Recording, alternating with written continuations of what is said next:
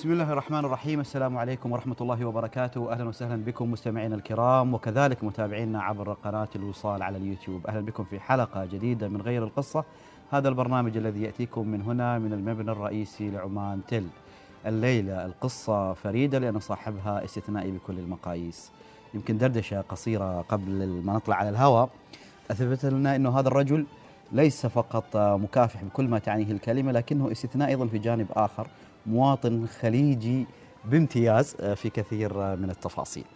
ضيفنا فقد ساق في حادث لكن عزيمته كانت أكبر وعاد للرياضة أكثر عن ذي قبل وترقى في المسار العملي ليصبح رئيسا تنفيذيا والأهم عاد لحبه الأول الطيران. الكابتن محمد أحمد الرئيس التنفيذي لطيران السلام أهلا وسهلا بك في غير القصة. يا هلا بك كيف الحال؟ نحمد الله حياك الله كابتن.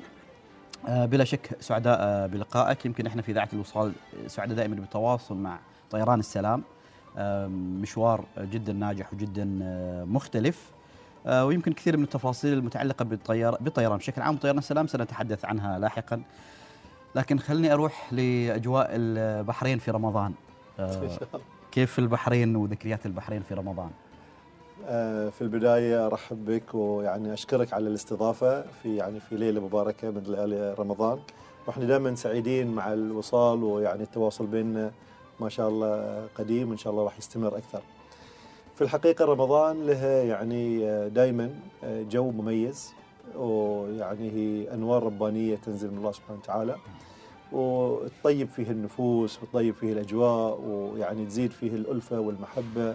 واللقيا والبحرين يعني غير مختلف. وأنا يعني بسبب يعني وظيفتنا في السابق يعني كنت دائما أخذ إجازة برمضان. لأن رمضان في البحرين شيء يعني كان عندي تقريبا مقدس. سنة من السنوات يعني ما تمكنت ان أخذ إجازة.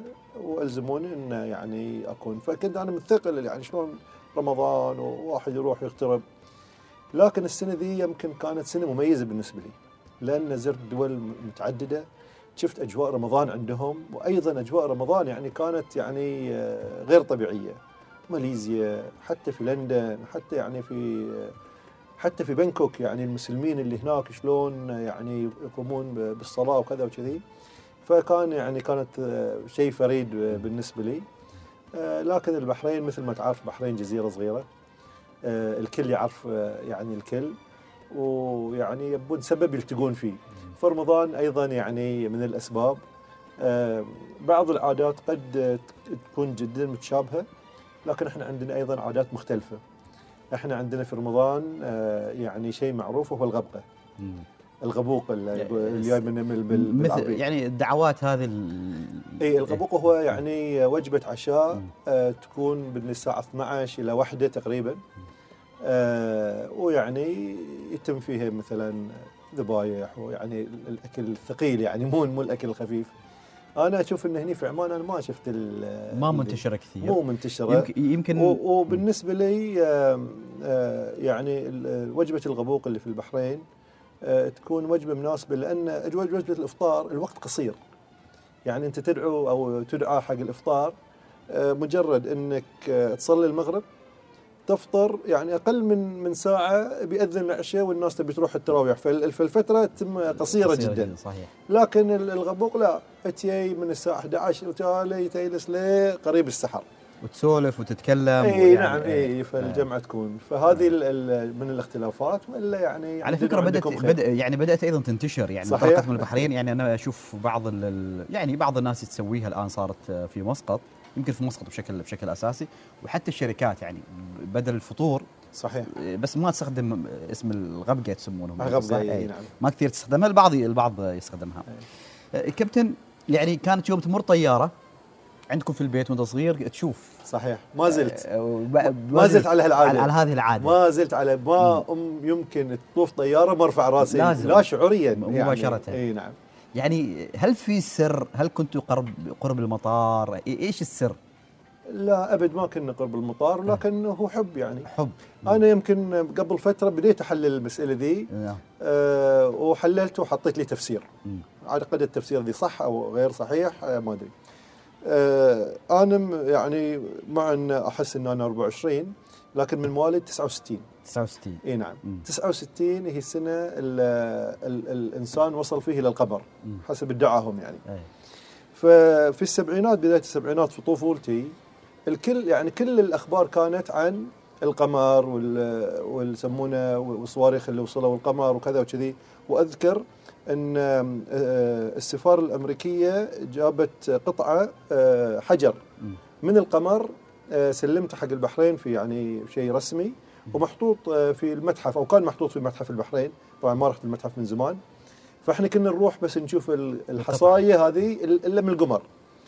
وأذكر إحنا طبعا إحنا في السابق كنا يعني الأيام ال- الجو فيها زين ننام في الخارج. يعني كان عندنا شيء اسمه كرفاية سرير مرتفع. ويفرشونه فوق السطح ويعني يعني مدة طويلة البحرين يكون في الجو زين. ننام في الخارج. وتعرف ياهل وأذي وكذا وشي. فكانت الوالدة تقول لي إذا أنت تطالع السماء بتشوف الصاروخ اللي رايح القمر. فهذه كانت نهاية المحادثات بالنسبة لي. هاي اللي طالع على أساس أشوف الصاروخ اللي رايح القمر. طبعا ما قد شفته يعني. لكن يمكن آه، يعني مسألة ال ال- يسمونه الرحلات الفضائية وكذا وكذي أثرت فيني يعني وسويت يعني حب. طبعا في السابق أنا في أيامنا يوم إحنا كنا في الابتدائي أنا أذكر كانت في دراسة آه، أغلبية آه، الصبيان اللي كانوا أغلبيتهم كانوا بيصيروا طيارين. ك number 1 choice ونمبر ثاني كان مثلا طبيب ولا مهندس يعني كل المهنات الثانية كانت هي.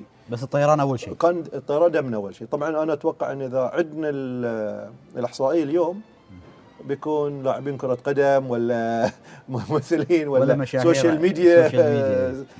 الأيام ذي كانت يعني الاهتمامات مختلفة يعني.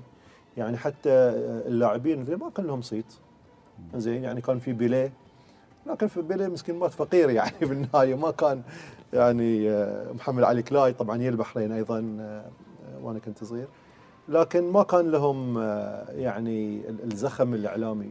لكن ال- الطيران رحلات الفضاء يعني. والطيران الطيران. والطيارين يعني كان شيء يعني شيء فهذا أنت تحليلك الحين لسبب آه، إنه والله كان. عندك هذا هذا العشق العشق لل- للطيران. آه، الدراسة طبعا يعني مثلك مثل أي طالب يدرس في البحرين في في ذلك ال- الوقت آه، لكن دراسة الطيران يعني رحت أنت لاحقا أعتقد في المملكة المتحدة درست إي نعم، هل كان تقديم على شركة طيران الخليج ولا كان لا في مقررات مثلا أو في مسارات خاصة اي طبعا إحنا لا إيه. درسنا مدارس خاصة. ولا اخذنا دروس خصوصية درسنا في مدارس الحكومة. حكومه أو- ولله الحمد يعني اخذنا العلم آه، من أساتذة أفاضل يعني. آه، وحببونا في العلم وحببونا في اللغة وحببونا في الشعر والشعر الجاهلي. يعني أنت الحين طالب مدرسة تصرف عليه آه، ذيك الحكاية رايح مدرسة خاصة تقول له قل لي شعر عنترة ولا ولا حافظ له شيء. إذا عرف عنترة أصلا. إذا عرف عنترة زين. آه، لكن يعني لله الحمد أنا أشوف إن الدراسة كانت في البحرين آه، دراسة جيدة يعني المعلومات وطبعا إحنا قدمنا على كل الشركات والجامعات وال... يعني أنت تتخرج تروح تقدم على وأنت ونسبتك إيش كانت النسبة؟ آه، أنا كانت نسبتي أنا م- في أيامها مرتفعة آه، جدا مرتفعة. اي 88 يعني في أيامنا كانت زينة شيء طبعا كبير، إي. هذه الأيام يمكن قليل بالنظام الجديد طبعا النظام اللي قبل كان مختلف كان عنده- علمي وأدبي و... على العموم آه، حصلت من قبول في عدة أماكن يعني آه، جامعات وكذا وكذي لكن طبعا أنا كنت مقدم أيضا طيران الخليج مم. وتقريبا كانوا ما قدمت على الطيران الحربي اللي كنت تفكر والله أنا؟ كان عشقي. الطيران الحربي. كان دائما أحب الطيران الحربي. أنا حتى في غرفتي كانت صورة هذه ال- الفانتوم اف 4 بأجزائها وكذا وكذي. للحين حافظها يعني تسألني عنها للحين أسمونها. لكن أنا الوالدة كانت معارضة. إنك تروح هذا الاتجاه قالت إذا أنت رحت آه، يسمون أساسا كانت معارضة الطيران. آه. وقالت لكن إذا أنت رحت آه، الطيران الحربي لا أنت ولدي ولا أنا أعرفك بعد. فرضت بالحل الوسط وإن الطيران التجاري قالت لا كله ما حد وكذا وكذي تعرف يسمونه الأمهات. لكن الحمد لله سمعت كلامها يعني. وقدمت على طيران الخليج كان عندهم مسار طيران الخليج كان عندهم مسار للطيارين إي نعم، إي برنامج يعني. إي نعم. وقبلوك. وقبلني. طبعا قدمني يمكن 300 شخص ويمكن قبلوا ثلاثة منه فقط. فقط. إي نعم. وأيضا دفعتي كان في وياي آه، ثلاثة عمانيين. لأن هذاك. الوقت يمكن للناس اللي ما تعرف طي- طيران الخليج كان يمثل كان في يعني أربع دول خليجية. أربع دول خليجية نعم. نعم. السلطنة مملكة البحرين صحيح. آه، أيضا كانت آه، أبو ظبي والكويت أعتقد صحيح لا لا آه، قطر قطر قطر إي نعم، صحيح إي قطر نعم. صحيح وأيضا إحنا كان في دفعات الخليج كان في قطريين وكان إيه. في إماراتيين ويانا بالدفعة وأيضا لكن الأعداد الكبيرة كانت من البحرين وعمان وكنا إحنا ثلاثة بحرينيين في الدفعة وثلاثة إخوان عمان وواحد منهم إحنا وياي في طيران السلام ما زال ما شاء الله واحد منهم آه، في الاتحاد واحد في الطيران العماني أو اثنين في الاتحاد واحد في الطيران العماني توزعن يعني على شركات الخليج يعني يمكن أنت كنت الوحيد من البحرين المقبول هذاك العام لا لا كنا ثلاثة ثلاثة من البحرين نعم. من البحرين البحرين. وكانوا من بقية الدول في أكثر من نعم احد إي يعني نعم ورحتوا إلى المملكة المتحدة نعم. للدراسة نعم. آه، كم كان البرنامج؟ تقريبا سنتين. سنتين. وين جلستوا في المملكه في اوكسفورد؟ في اوكسفورد إي نعم إي. كيف كانت التجربة الانتقال من البحرين إلى والله شوف؟ كنت آم، كنت توني 18 سنة يعني نروح أول مرة أروح آه، يعني آه، إلى يسمونه دور أوروبية وكذا. كانت تجربة يعني جدا جميلة وتجربة جيدة وفادتنا وايد يعني. ال- الغربة أول مرة أطلع من البيت وكذا وكذي. أول مرة أشوف طيارات مطار آه، يعني بهالحجم وطيارات صغيرة قصدي وكذا وكذي. فكانت يعني وثانيا إحنا ال- يعني هل بغيت أقول لك؟ إن إحنا درسنا في مدارس حكومية ودرسنا اللغة الإنجليزية وكنا نجيب دائما علامات زينة يعني في الامتحانات وكذا وكذا لكن اللي درسونا يعني جزاهم الله خير في على الأقل في اللغة الإنجليزية آه، يعني كانوا أساتذة مصريين وكذا وكذا يمكن لغتهم ما كانت ال... رحنا هناك جلسنا. طبعا إحنا كبحرينيين ما كانوا يعطونا كورس لغة. السبب؟ آه، والسبب إن البحرينيين كانوا يعني آه، لغتهم أكثر الوقت تكون تكون جيدة. آه، باقي الخليجيين كانوا يعني يطرشونهم آه، يعني لغة قبل يبتدون الطيران. إحنا تعال يعني أنت مباشرة. وإحنا كنا نحفظ يعني يعني حتى ال spelling ما spelling وذي وكذا وكذي. آه، يعني نحفظ ونكتب لكن مو بالضرورة نفهم الكلام اللي. جالس يقال. يعني تقريبا أول آه، شهر أنا جالس في الصف أنا وبعد كذا من الأخوة اللي كانوا ويانا. والمدرسين كانوا لغتهم مختلفة. يعني حتى إحنا اليوم ما نسمع وكذا وكذي أكثر الأفلام كانت أفلام أمريكية. ما كنا نسمع الأفلام والإنجليز شوية آه، لهجتهم كانت مختلفة. ولا نفهم شيء. ولا جالسين ولا نفهم شيء. كأنكم ما تعلمتوا إنجليزي ابدا. كانه أبد يعني.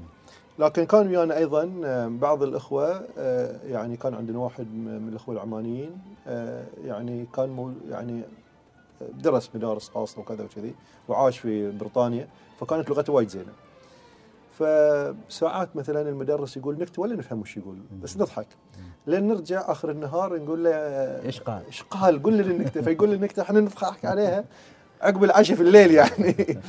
لكن كانت فترة بسيطة يعني مجرد شهر شهرين بدينا نفهم وكذا وكذي. آه، من أول امتحان إحنا جبنا علامات أفضل من, من الإنجليز نفسهم. آه ما شاء الله. اي لأن تونا كنا شباب بعضهم ذولا كانوا كبار. وإحنا تعرف علمونا على الحفظ من, من صغرتنا. إنزين؟ لو ن- ن- نحفظ لو الكتاب ون- يعني لل- للأمانة معروفين أهل أهل البحرين مجتهدين بشكل استثنائي أيضا. يعني الشباب البحريني دائما وين ما هو دائما مجتهد يعني وبشكل بشكل استثنائي. اسمح لي الكابتن بروح لفاصل إي نعم. ثم نكمل معك إن هذا شاء الله. الحوار. إن شاء الله. من هنا من المبنى الرئيسي لعمان تل نواصل غير القصة والليلة معنا الكابتن محمد أحمد الرئيس التنفيذي لطيران السلام. فاصل ثم نعود. أهلا وسهلا بكم مستمعينا الكرام أينما كنتم وكذلك بمتابعينا عبر آه، الوصال على اليوتيوب. الليلة معنا الكابتن محمد أحمد الرئيس التنفيذي لطيران السلام. أهلا وسهلا بك مرة أخرى. يا هلا. في اوكسفورد نتكلم عن 87 88 لما كنتوا آه، في الدراسة. بالضبط، نعم. 87 88 يعني المملكة المتحدة في ذلك الوقت كانت أجمل من الآن. يعني ولا؟ لا يعني إلى إلى حد ما يعني كان كانت آه، في أحداث كانت أيضا في كثير من الأمور. كنتوا تنشغلون باللي صاير حواليكم في ذلك الوقت ولا مركزين في الدراسة؟ مركزين ولا ندري عن شيء. ولا تدرون عن شيء. ولا ندري عن شيء. إحنا يعني الدراسة في الطيران كانت دراسة جدا مركزة. مم. آه وتتطلب جهد كبير خاصة إن إحنا مثلا قلت لك في البداية اللغة كانت مختلفة. المواد اللي درسناها آه كلش مغايرة عن المواد اللي درسناها إحنا في في المدارس يعني.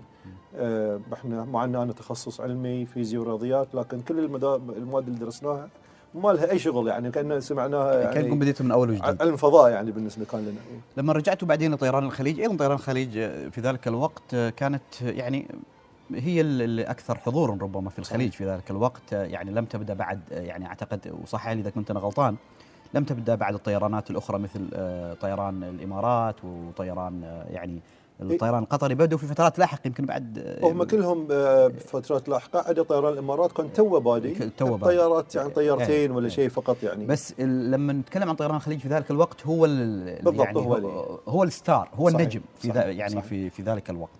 كيف كانت الحياة في يعني والعمل مع طيران الخليج في ذلك الوقت؟ طبعا آه، إحنا كنا ب- يعني أيضا آه، جدا محظوظين إن إحنا نكون في ذيك الفترة بدينا على طائرات ال 737 والطيران الخليج يعني خذت إرث كبير آه، من آه، الطيران البريطاني. اللي كان موجود في المنطقة. اللي كان سابقا يعني إيه. موجود وكذا وكذي. فكان حتى بعض ال- المدراء والكابتنين كان ما- ما زالوا بريطانيين موجودين وبالإضافة إلى الخليجيين اللي كانوا موجودين. فالنظم والأشياء كانت جدا يعني قوية. تعرف النظام البريطاني دائما نظام يعني قوي وعميق ويركز على بعض الأمور ال- آه، اللي يعني آه، اللي ممكن أكثر من اللازم. فإحنا كنا يعني الت- التأسيس كان جدا ممتاز. مثل ما أنت ذكرت إن طيران الخليج كانت آه، يعني الشركة السائدة في ذيك الفترة. وكان عندها آه، أربع محطات يعني إحنا كنا أكثر وقتنا في عمان ولا في أبو ظبي ولا في قطر يعني قد البحرين يعني كنا إحنا متوزعين بين هالذي وأيضا يعني كانت الشركة في طور تطور ويعني كانت تشتري طائرات جديدة يعني ذيك الأيام شرت ال 76 وانتقلنا إحنا 76 وبعدين شرت الايرباص وجينا الايرباص فكانت كتأسيس كطيار فترة ذهبية بالنسبة لنا. آه، وين كانت المحطات؟ آه، أول رحلة طرتها؟ يعني أنت خلاص كطيار في أول. رحلة طرتها مم.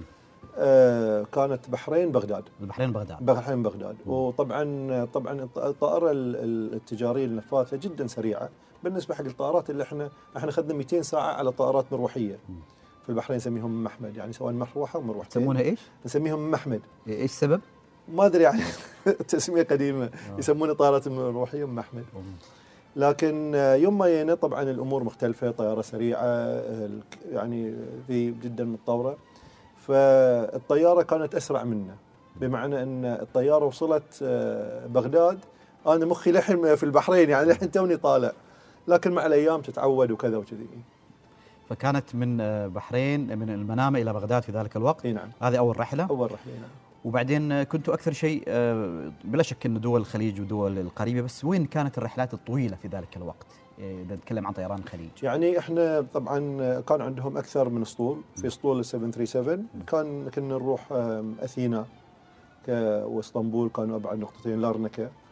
آه، لكن بعدين لما رحنا إحنا على ال 76 طبعا كنا نروح استراليا سنغافور آه، استراليا. إلى استراليا في إي نعم إي كان عندنا يعني رحلات مباشرة إلى استراليا. آه، كانت لا عن طريق سنغافور آه يعني كنا نطلع إيه. أتذكر رحلة 10 أيام.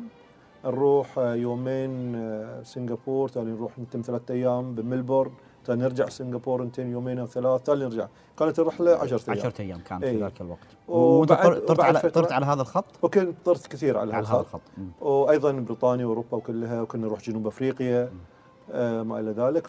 تالي على الإيرباص ال- كانت في فترة من الفترات حتى نيويورك أمريكا آه كانت رحلات مباشرة من البحرين أو كان- كانت عن طريق لارنكا يعني هو أيضا يعتبر آه، شبه يعني شبه ناقل وطني. لأربع دول في ذلك بالضبط الوقت كانت لها فعلا كان مش يعني كانت كان الناقل ناقل الوطني فعلاً دول. إيه.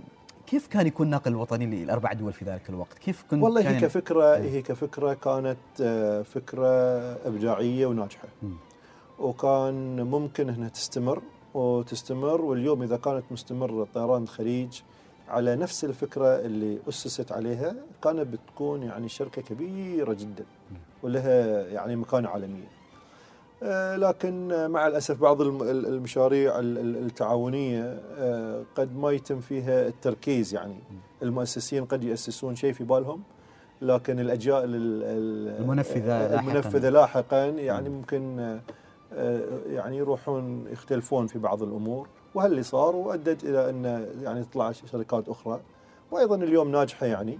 لكن هل هل آه، بنظرتي هل كانت آه، يعني طيران الخليج كفكرة جيدة أو ما زالت يعني إذا إذا يجتمعون الخليج في آه، في شركة آه، ممكن يكون يعني الله أعلم بس ممكن يكون يعني يمكن يكون واحد يعني من الحلول خاصة يمكن للدول اللي ما مركز لأنه عند- عندها تحديات مع طيرانها يعني صحيح. ال- ال- الناقل الوطني اللي بالنسبة لها يعني يمكن هو عمان آخر دولة أنا أتذكر يعني يعني آخر لما انفضت الشراكة آخر شيء كانت بين عمان والبحرين صحيح. يعني في آخر في آخر مرحلة آه، الكابتن ظليت في طيران الخليج لمدة كم تقريبا؟ 17 سنة. 17 سنة. إي نعم. آه، في طيران الخليج بس كنت مركز أنت في الجانب الفني في الطيران ولا وصلت أيضا إلى لا أنا أنا دخلت الإدارة. الإدارة؟ إي نعم. آه، درسنا بعض الأمور في الإدارة وتالي آه، يعني دخلنا في الإدارة. كنت مدير لأسطول الايرباص 320 مم.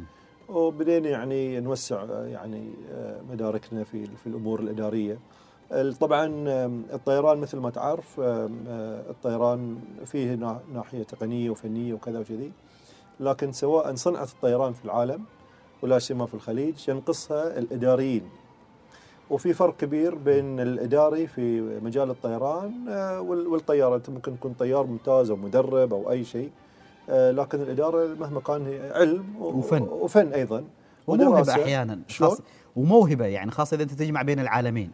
يعني اي تحتاج يعني تحتاج هو أعتقد مو فقط ال- الطيران مثلا حتى لو آه، مثلا المجال الطبي ممكن يكون دكتور جدا ناجح.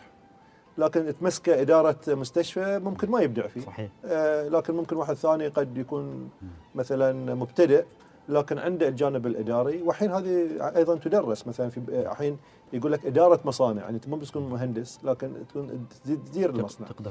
إحنا مع الأسف ما في في الطيران يعني ال- ال- العمق هذه. لكن أيضا هو مجال إن إحنا تشوف دائما كنا نحتاج إن نجيب آه، ال- الكادر الأجنبي على أساس يدير آه، شركاتنا. فقلنا إحنا ليش ما نتوجه يعني ون- ونخوض التجربة دي. والحقيقة دخولي في في الإدارة آه، كان بعد رحلة بحث يعني ممكن إذا آه، في الوقت يسمح لا عندنا الوقت آه، سهرانين. آه، في الحقيقة يعني في مرحلة من المراحل آه، إحنا يعني أنا كطيار طبعا كان عشق الطيران وكنت أحب الطيران جدا وانت خلاص يعني حلم حققته وصرت طيار وصرت مدرب وصرت يسمونه. آه، لكن آه، لين تفكر في في في رحلتك آه، وأنت شنو جالس تقدمه حق المجتمع؟ أنت تشوف إنه يعني آه، يعني ما جالس تقدم طيار. زين يعني شنو أنا فائدتي لل- للمجتمع اللي أنا فيه؟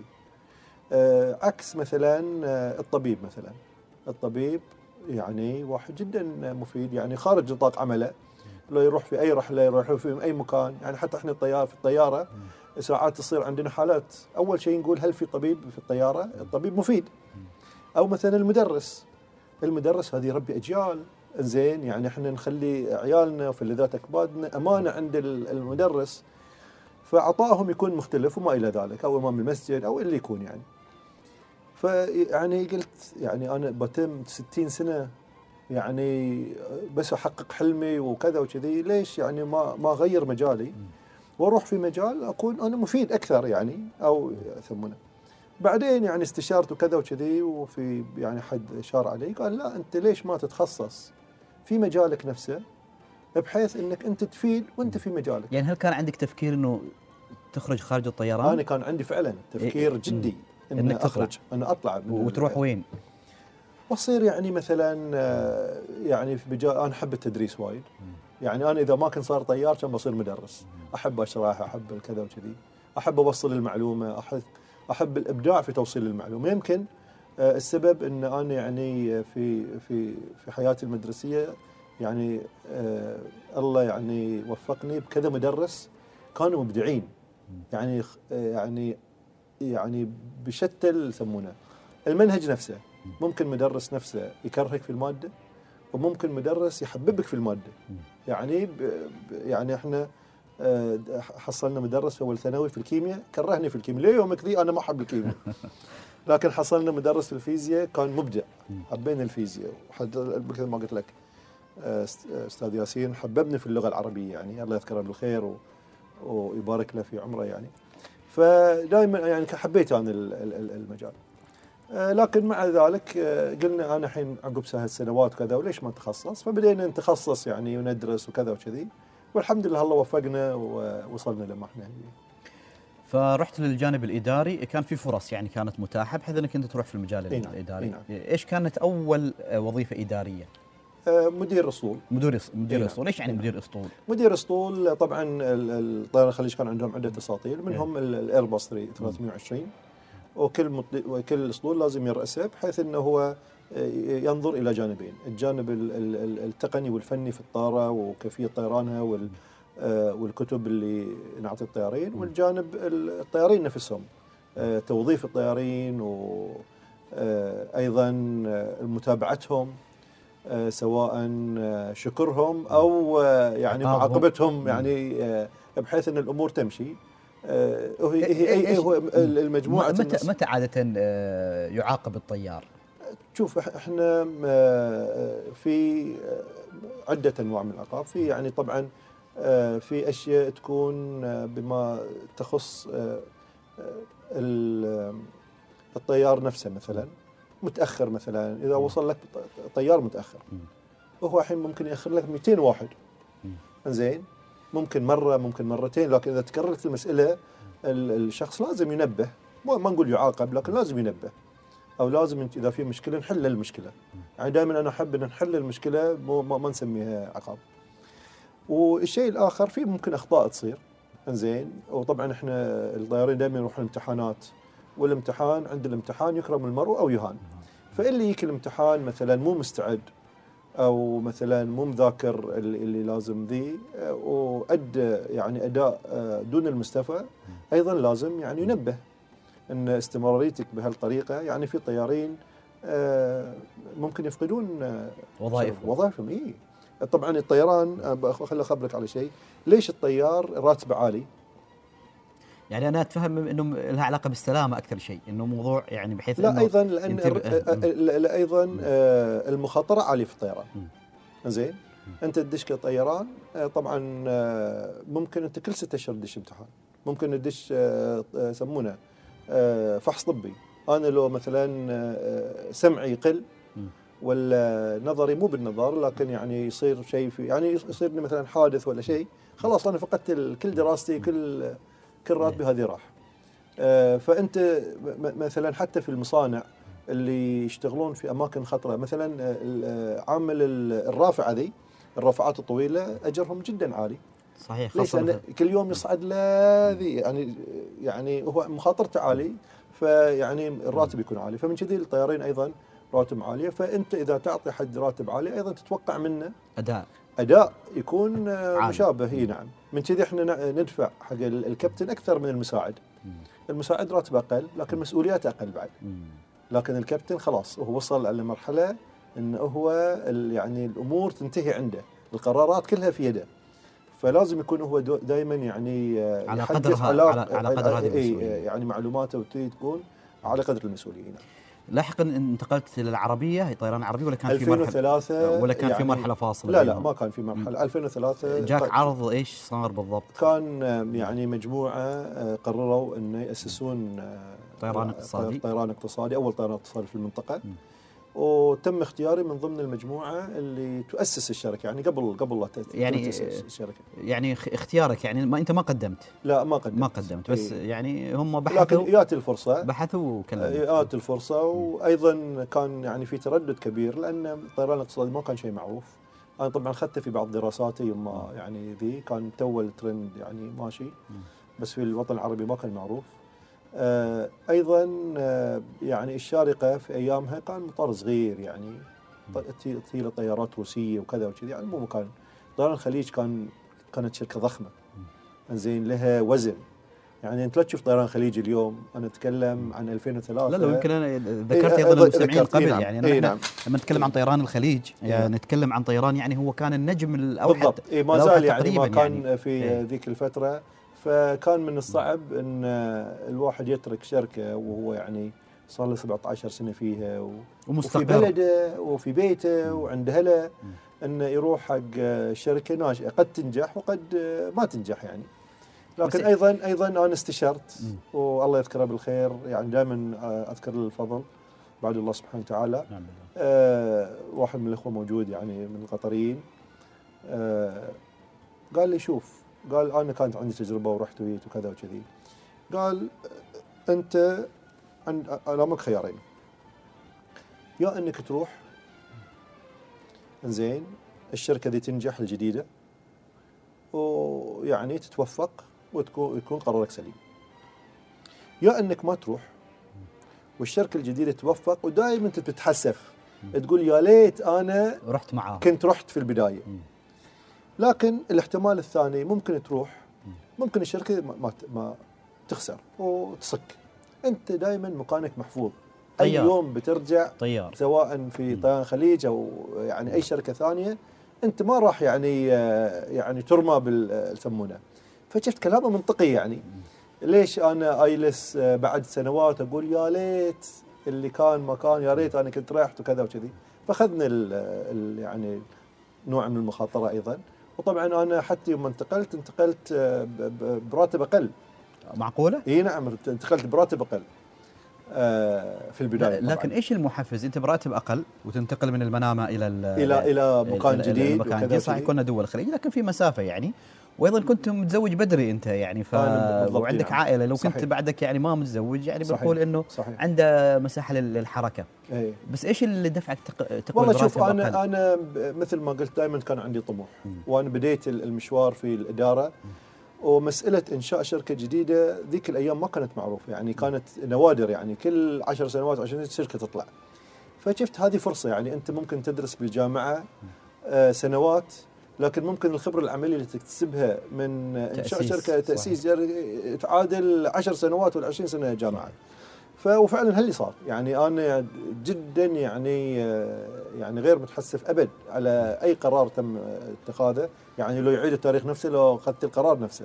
كانت الفترة جدا ممتازة اكتسبنا كثير من الخبرات وحققنا نجاحات مثل ما تعرف يعني الطيران كشركة. العربي بلا إيه بلا نعم، شك إنه إيه يعني هو إيه كان آه، جداً. واحدة من العلامات الفارقة في موضوع الطيران الاقتصادي بالضبط يمكن حتى مش بس على مستوى المنطقة يمكن حتى على المستوى مستوى العالم إيه. مستوى مستوى العالم إذا تسمح لي أنت جلست تقريبا سنة ثم صار الحادث صحيح بالضبط يعني من 2003 2004 صار آه، بالضبط. الحادث إيه. إذا تسمح لي بنتكلم عن الحادث ويعني والحادث يعني ما كان حادث بسيط يعني حادث يعني يمكن لو كانت يعني لو كان في ناس ثانيين كانوا يمكن خلاص توقفت حياتهم العملية هناك بنذهب إلى فاصل قصير ثم. نكمل معك هذا الحوار.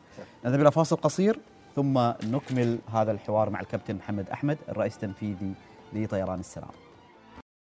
الكرام أينما كنتم ومن هنا من الممر الرئيسي لعمان تل نواصل هذه الحلقة من برنامج غير القصة يشرفنا الليلة الكابتن محمد أحمد الرئيس التنفيذي لطيران لطيران السلام أهلا وسهلا بك كابتن. هلا بك في 2003 كنت في الشارقة آه كنت يعني آه في طيران العربية. صحيح.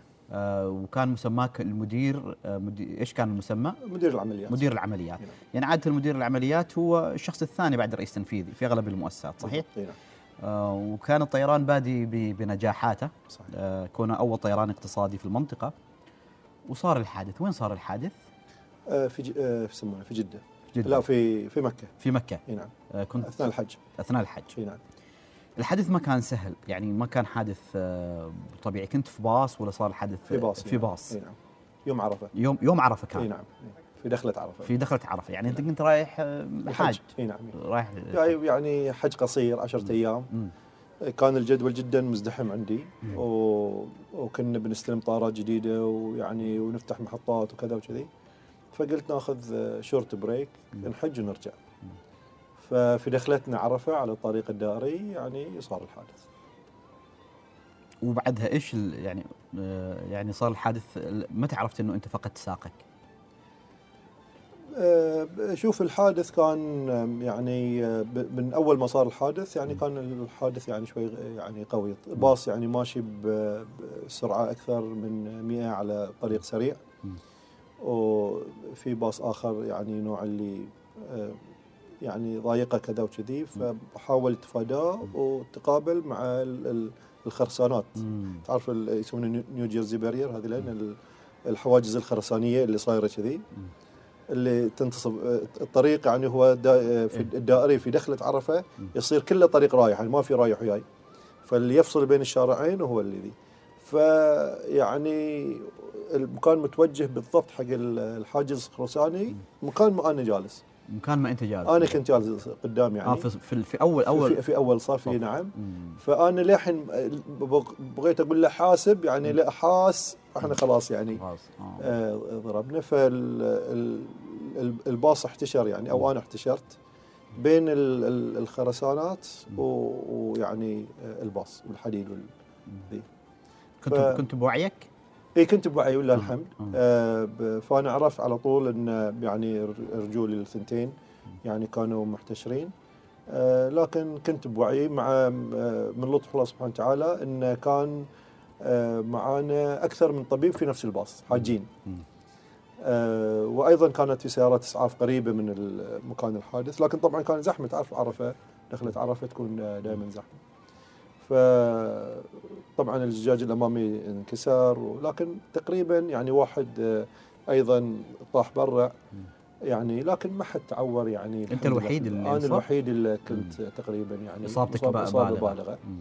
بقى يعني اشياء خفيفه وأيضا كانت أختي وياي في ال- في ال- في الحملة يعني كانت في الباص وكذا وكذي. آه، فاخذ لهم فترة لما آه، طبعا ما ما ما قدروا يطلعوني من مكاني. فاخذ فترة لما سيارات الإسعاف مع الزحمة توصل وقدروا يطلعوني فأنا عرفت من وقتها إنه يعني آه، الوضع يعني شفت ريولي الوضع كان جدا آه، ما بشرح لك لأن هذه لكن الوضع كان جدا صعب طبعا ودوني على على أول محطة في آه، محطة إسعاف في في عرفة وشالوني بهليكوبتر ودوني إلى مكة في مستشفى النور وتمت العمليات هناك. كم جلست في المستشفى هناك؟ والله في, في يمكن ما, أذكر يمكن في مكة تميت يمكن قرابه الشهر يمكن أقل. وتالي رحت الرياض أيضا يعني عدة أشهر يمكن أربعة أشهر. أربعة أشهر. أو وأنت بين بين هذه المستشفيات. إي نعم. وعرفت أنت خلاص من البداية أنه فقدت يعني أنا أشوف. يوم ما يوم يعني طبعا إحنا هذه عالم عالم الأطراف الصناعية. والبتر هذه عالم جديد يعني الواحد سبحان الله يقرأ ويوسع مدار كذي. لكن دائما في أشياء ما ما عنده يعني أي خبرة فيها. ف آه، هالأمور إحنا أصلا ما ندرسها يعني مو ضمن يعني ما يدرسون أي شيء في في المدارس ما فادتنا. لكن يا ريت ساعات يعطي يدرسون أي شيء تفيدني يعني. آه، يوم ما أنا رحت يسمونه آه، يا والأطباء وكذا وكذي شافوا وأيضا من لطف الله سبحانه وتعالى إن أنا توفقت بطبيب يعني آه، جدا يعني يمكن الأفضل في مجاله. فيوم ما جاني قال لي شوف ال- الرجل اليمين فيها يعني كسر مضاعف يعني في وايد أشياء لكن ممكن أنقاذها. لكن ال- ال- الرجل اليسار آه، يعني لازم تبتر قلت له دكتور بس أنا أحس يعني أحس بالقدم وكذا وكذي قال لي هذا الإحساس خاطئ هذه يسمونه فانتم آه، يعني إحساس شبح مم. لمدة سنة بعد ال- البتر أيضا أنت بتحس. يعني آه لكن ما في ال ال ال الإعصاب والعروق كل شيء كل شيء متقطعه يعني مم. فالأفضل لكن أنا يعني طبعا هالكلام ما كنت أفهمه في ذيك الأيام أو في ذيك اللحظة لكن آه آه الحين يعني ادركها هذه. قال أنا بسوي لك بتر بطريقة تناسب الطرف الصناعي بحيث أنت ترجع يعني طبعا ما استوعبت أنا الكلام ذي ولا سم... بعدين عرفت أن يعني كثير من الناس اللي يقومون ب- بعمليات البتر. البتر ما يكون مناسب حق الأطراف الصناعية فيضطرون آه. يسوون يا عملية ثانية أو يضطرون يلبسون أطراف مم. يعني لها بعض العوائق أو لها بعض المحدوديات مم. آه لكن الحمد لله من أول عملية يعني كان هو فعلا كان يعني تو واصل من أمريكا كان دارس في أمريكا فيعني متعرض حق الأمور. وتعرف السعودية يعني عندهم أيضا يعني خبرة في ال- متقدم. آه، يعني طبعا طب مقدم متقدم عندهم لكن أيضا عندهم خبرة عملية. يعني أنا لما كنت في الرياض. في آه، آه، في الريهاب سنتر يعني يوميا كانوا يجون ناس يعني باسعاف يوميا. يعني اللي ما يعرف تقول كأنه يعني الدولة ذي في حرب. يعني كأنه في جبهة حرب وهذولين آه، مثل ما تشوف الأفلام يبونهم. لكن هذه كلها حوادث طرق. وتعرف حوادث طرق في السعودية؟ الحين حاليا في السعودية في ساهر ويعني كاميرات مراقبة يعني اللي هم ما يبونها. لكن ذيك الأيام ما كان فيه في السعودية ما كان فيها وأنا دائما عندي أصدقاء في الرياض دائما كنت أضحك عليهم في مسألة السرعات أيضا في المملكة كانت اي السرعات كانت جنونية جنونية، وس- إي، إي. والحوادث يوميا يوميا. يعني كانوا يجون الناس آه، ساعات يعني كان آه، عارف شاب آه، ويانا كان بتروا رجلينا. يعني ف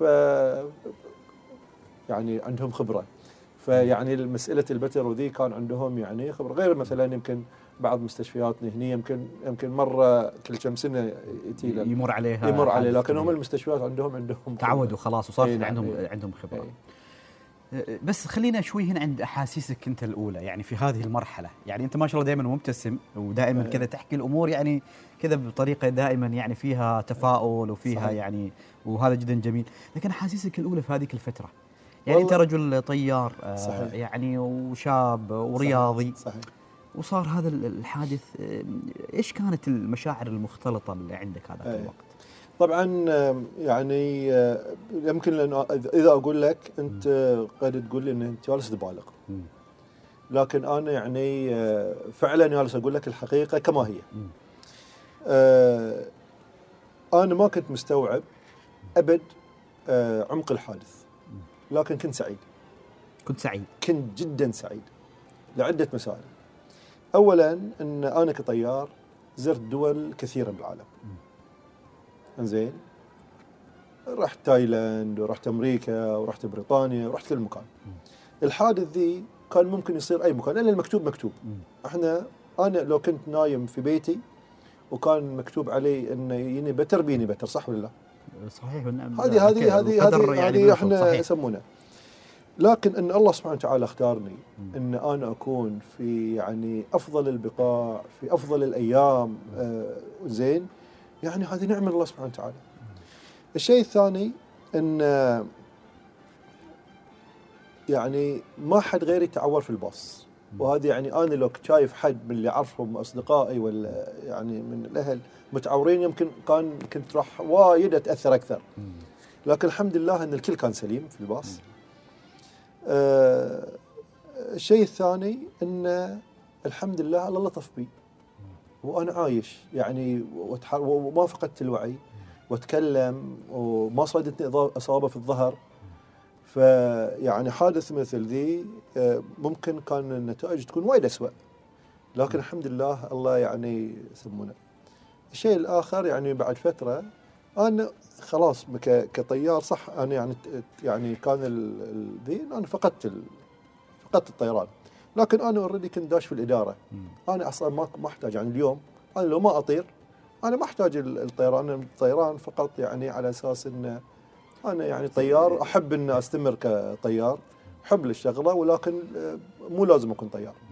أنا لو يعني فعلا ما كنت راجع حق الطيران كان بستمر يعني ذي. فالله سبحانه وتعالى لطف بي في في حياتي إن توجهت إلى التوجه إن حساس حتى فق فأنا يعني مو خسران شيء يعني يعني أموري ماشية. ما إلى ذلك فيعني نفسيتي كانت جدا آه، عالية وكذا وكذي. آه، لدرجة أن احدى الجرايد آه، بالمملكة كتبت عن الحادث. لا أحد الجرايد في المملكة وأيضا أحد الجرايد في البحرين مع الأسف يعني. آه، ما- يكتبون. لكن اكتبها وت- وتعرف الجريدة ال- ال- ال- ال- المادة الإعلامية دائما مادة آه، تحاول تسوي شيء من الإثارة. يعني ما تكتب حادث ما حد ما حد. واحد صدى حادث. لكن هذا بالنسبة حق الإعلاميين ما يعني أي شيء لازم يعني يحط فيه شوية بهارات يعني يكون قصة درامية على أساس إن الناس يعني يكون يسمونه.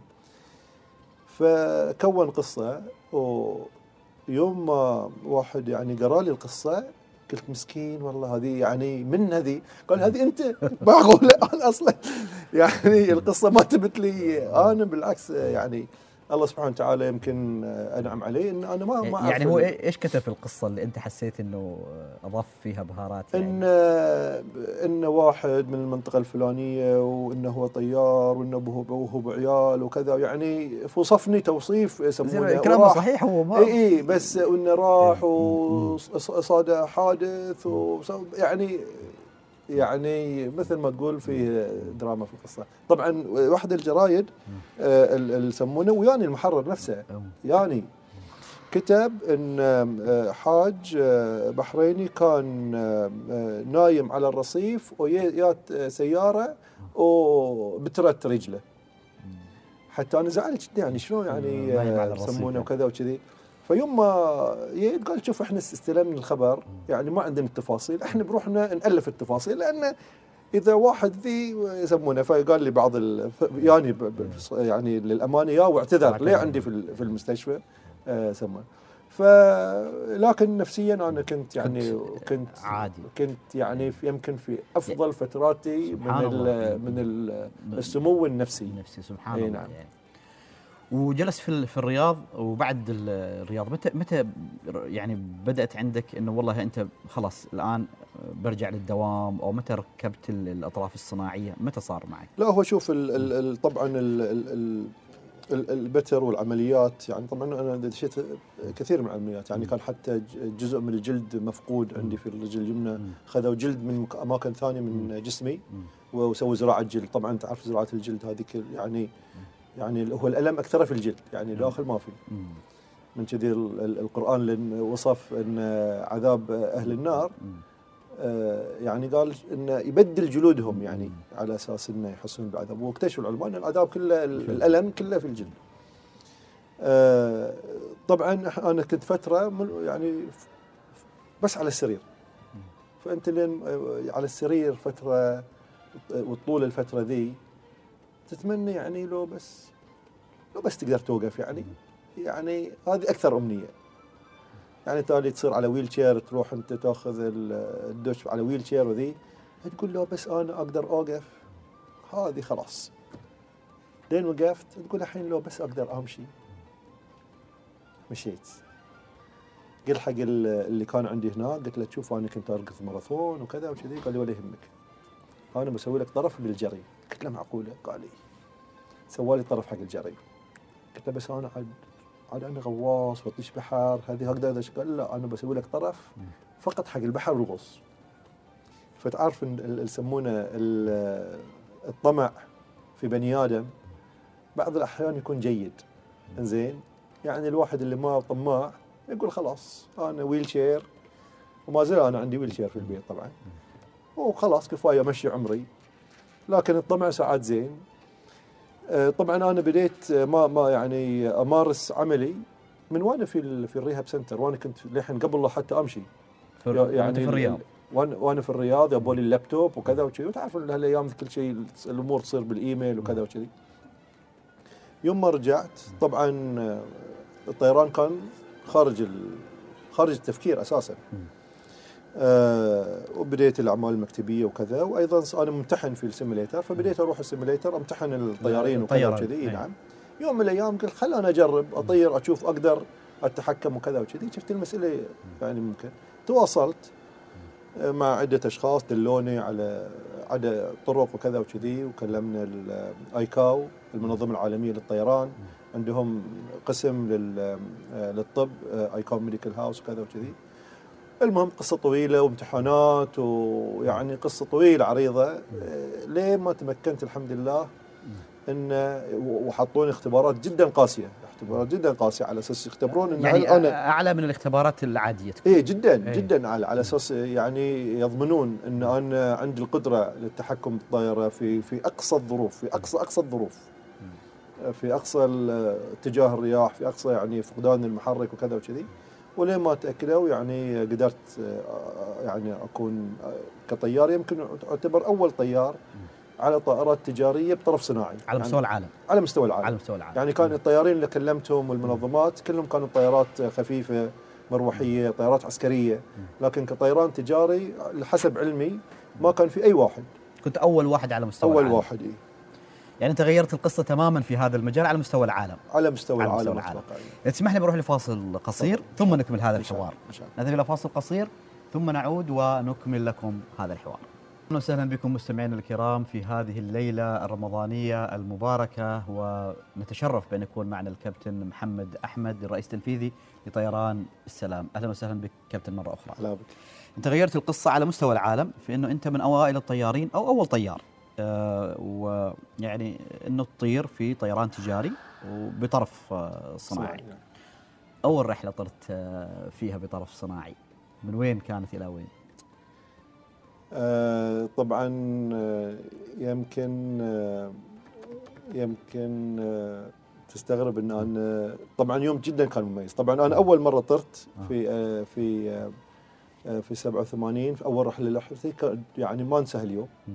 يعني تعرف الشعور الجميل اللي أنت يعني أول مرة 18 سنة وتطير طيارة وكذا وكذي فوكسور ال- الرحلة اللي طرتها كان يعني أيضا ال- ال- الشعور آه، ضربة في عشرة يعني كان مضاعف يعني. عقب ما أنت خلاص فقدت يعني كان خلاص يعني ان فقدت ال ال ال الحلم ويرجع لك مرة ثانية كان ذي.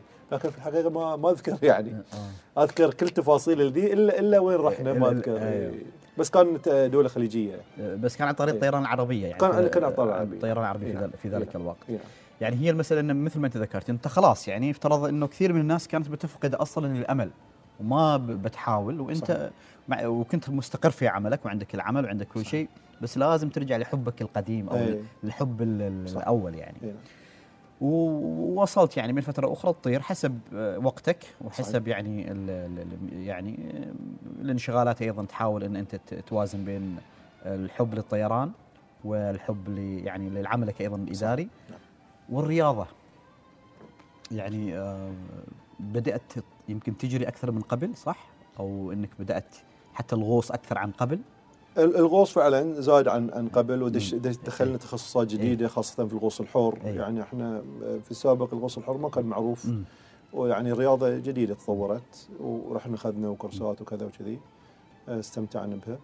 آه، الرياضة عموما أنا يعني بديت يعني كنت تقريبا رجعت أمارس تقريبا جميع الرياضيات اللي كنت مم. يمكن إيش الرياضات؟ أنا أنا لعبت كل شيء أنا لعبت قدم ولعبت طارة آه. ولعبت سلة ولعبت سكواش و ما شاء الله. وركوب خيل ويعني وال- وال- والحين إيش تمارس أكثر شيء؟ حاليا طبعا ال- ال- ال- السن له دور بعد آه، وأيضا ال- آه، المجتمع اللي يعني في البحرين الرياضات آه، مختلفة يعني آه، حاليا إحنا أكثر شيء بادل مم. يعني كنا نلعب قبل سكواش الحين طلعت اللعبة بادل هذه اللي كل كل كل حد إيه، يعني و- يلعبها و- يعني. والعب حديد أروح ثلاث مرات بالأسبوع جيم آه، حق الرياضة. لكن آه، يعني إحنا عندنا خاصة في البحرين آه، لعبة الطائرة منتشرة خاصة في رمضان. يعني وأنا أستغرب يعني حتى لما قلت حق يعني عندي أصدقائنا بالعمل قلنا رتبوا لنا نبي في رمضان نلعب طائرة. واحد قال أصلا ما في ملعب طائرة. يعني أنا طلعت حيادل وين ملعب طائرة طلعت لهم. لكن اللعبه مو منتشره بعض الرياضات آه، مختلفة يعني. رجعت تلعب طائرة يعني بعد الحادث الآن رجعت تلعب كل هذه الرياضات ألعب كلها كل- كلها. ألعب- ألعب. كرة قدم والحين بادل طبعا وكرة طائرة. أي نعم. يعني يعني فعلا أنا بقول لك يمكن كثير من الناس الآن تسمع ما بتتخيل هذا الموضوع. ابدا. لأنه في ناس يمكن ربما كانت آه، عندهم حتى يمكن حوادث آه، يعني أقل بكثير من الحادث اللي صار لك. صحيح. وتركوا الرياضة وتركوا كل شيء يعني. أنا أقول لك شيء. مم. أنا طبعا أروح أزور بعض الناس مم. اللي عندهم بتر. مم. أنا زرت واحد في دولة خليجية. آه، شاب صغير. وصادة حادث وصادة بتر وطلع ونوع اللي يضحكوا عليه ولا شيء وجاته حالة نفسية. آه، يعني تقريبا قرابة ثلاث سنوات أقل من ثلاث سنوات ما طلع من من حجرته. ثلاث سنوات. تقريبا. تقريبا. ما طلع من حجرته. مم. لأن الكثير من الناس عبالهم إن آه، يعني خلاص أنا حياتي محدودة. وخلاص لازم آه، آه، يعني. أكون على كرسي متحرك وكذا ومساعدات لكن أقول لهم لا كان هذه أنا عندي عدة حركات. يعني أروح على الرجل الصناعيه أنط قدامهم. وراويهم بعض الصور وأنا في البحر وأنا في ذي كذا وكذي. فيستغربون يقولون هل ممكن؟ ليش؟ لأن إحنا ما عندنا هالثقافة. آه، أنا يعني كثير من الأحيان أطلع يعني حتى لأن العب رياضه يعني ألبس آه، يعني آه، يعني شورت قصير مثلا. وما عندي مشكلة يعني الناس تشوفني بالطرف الصناعي دائما تشوف يعني حتى لما طالع على البحر وكذا وكذي الفرق إن ال- المجتمع الشرقي ينظر إلى إلى الأمور ذي بنظرة استعطاف. ليش؟ على باله إن اللي عنده آه، بتر ولا عنده اعاقه آه، هذه أهله إن يروح يطر من الناس فلوس. مم. زين ما يتصور إن أنت ممكن يكون عندك بتر لكن أنت يدك تكون عليا. ما تكون يدك سفلى. أنا بقول لك على مثال على ذلك أنا بعد ال آه، بعد ال آه، بأشهر صادتني مضاعفات. وفي في الرجل اليمين لدرجه إن بعض الأطباء يعني حتى وكان عندهم الخيار إن حتى اليمين تبتر. آه، لأن ال- العظم ما كان يلتئم وصادني صار بدأت تصيرني هشاشة وكذا وكذي. فاكتشفت أيضا إن آه، إحنا دائما عبالنا في خلاف في الدين في المذاهب وكذا وكذي واللغة يختلفون. طلع إن حتى الأطباء مختلفين مدارس كل واحد له مدرسة معينة. كل مدرسة طريقتها مختلفة عن المدرسة الثانية. فرحت عند ثلاث أطباء في الرياض. آه، متخصصين وكذا وكذي آه، في أماكن مختلفة. ثلاثتهم قالوا لي ثلاث طرق مختلفة. كلها لازم نسوي عملية لازم نسوي عملية نسوي واحد قال ندخل ذي واحد يقول نحط الحديد واحد يقول نشيل الحديد. فيوم ما شفته أنا في خلاف أنا قلت خل أروح حق دكتور الله يذكره بالخير بجعيفر في مستشفى النور في مكة. هو اللي سوى لي العملية وهو أنا يعني ذي خل أستشيره. فطلعنا من الرياض ورحنا آه، رحنا مكة على نزور. قلنا خل دم إحنا في الذي معتمر طبعا ما كان عندي لا طرف ولا شيء. وكنت على ويل شير. وكان وياي عديلي وأخوي وأيضا واحد من الأصدقاء. فعقب ما خلصنا ال- ال- الطواف والسعي وصلنا عند ال- المروة آخر شيء. المروة قلنا خلينا ندعو شوية يعني. ف حالتنا حالة وكذا وكذي وإحنا جالسين ندعو وكذي. على ويل شير وعديلي. طبعا كلهم ما شاء الله مراكزهم كبيرة. عديلي يعني آه، دكتور بالجامعة ومركزه ذي وأنا يعني بعد مركز. وإحنا جالسين ندعو كذي ياك واحد حط ريال في يدي. عباله أنا ماد يدي حق اللي يسمونه. قال هذه من فقراء الحرم. خل آه، تصدق أنا اللي وراي كلهم ما- ما ماتوا من الضحك على الأرض. أنت مدير حالتك حاله اعطنك ريال بس هذه النظرة النظرة الشرقية حق يعني آه، حق المعاق انه هو إنسان يعني آه، لابد إنه تتم العناية فيه. أنا عجبني ال- ال- الشعار مال آه، مدينة الأمير سلطان للخدمات الإنسانية اللي في الرياض اللي أنا كنت فيها. كان شعارهم إحنا نساعد الناس عشان يساعدون أنفسهم. we help the people to help them بمعنى إن أنا كنت على wheelchair كنت أروح على مرتفع أروح أروح ما أقدر أروح. يمرون علي عشرة ما حد يدزك داخل المدينة داخل المدينة. ليش؟ يقول إذا إحنا دزيناك المرة آه، مرة ثانية إحنا ما كنا موجود. يو- يشجعونك يقولون لك يعطونك طريقة يقول لك لا آه، سوي كذي سوي كذي لكن ما حد يجيك يدزك. يقول لك لأن أنت لازم تتعلم أنك أنت تمشي حياتك بنفسك.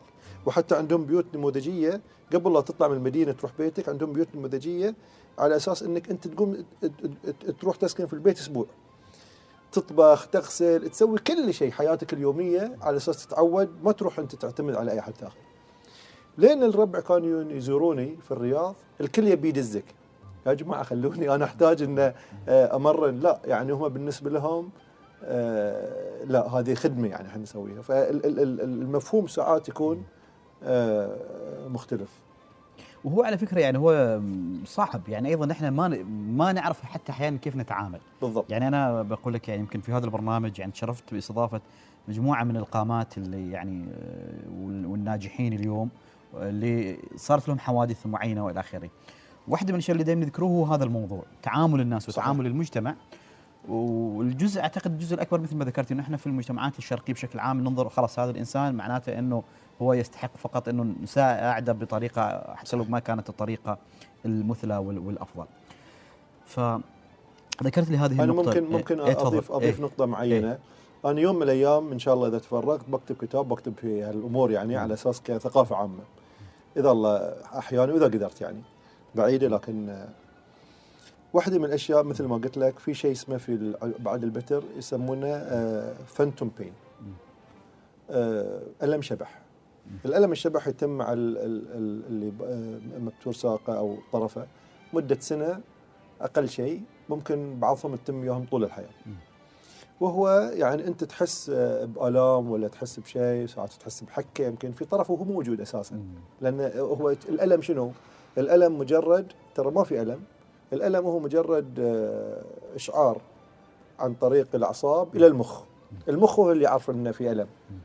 زين؟ ويروح يقول لك ترى هذه ألم على أساس مثلا إذا أنت حطيت يدك في النار آه، تشيل يدك من النار.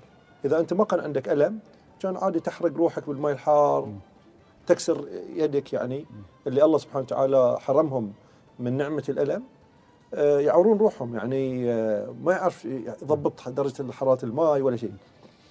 فحتى لو الطرف مو موجود الأعصاب جالسة تعطي الشعار. فأنت لازم تتحكم بأعصابك تعرف إن آه، إن ترى هذه شيء يعني شبح هو في النهاية.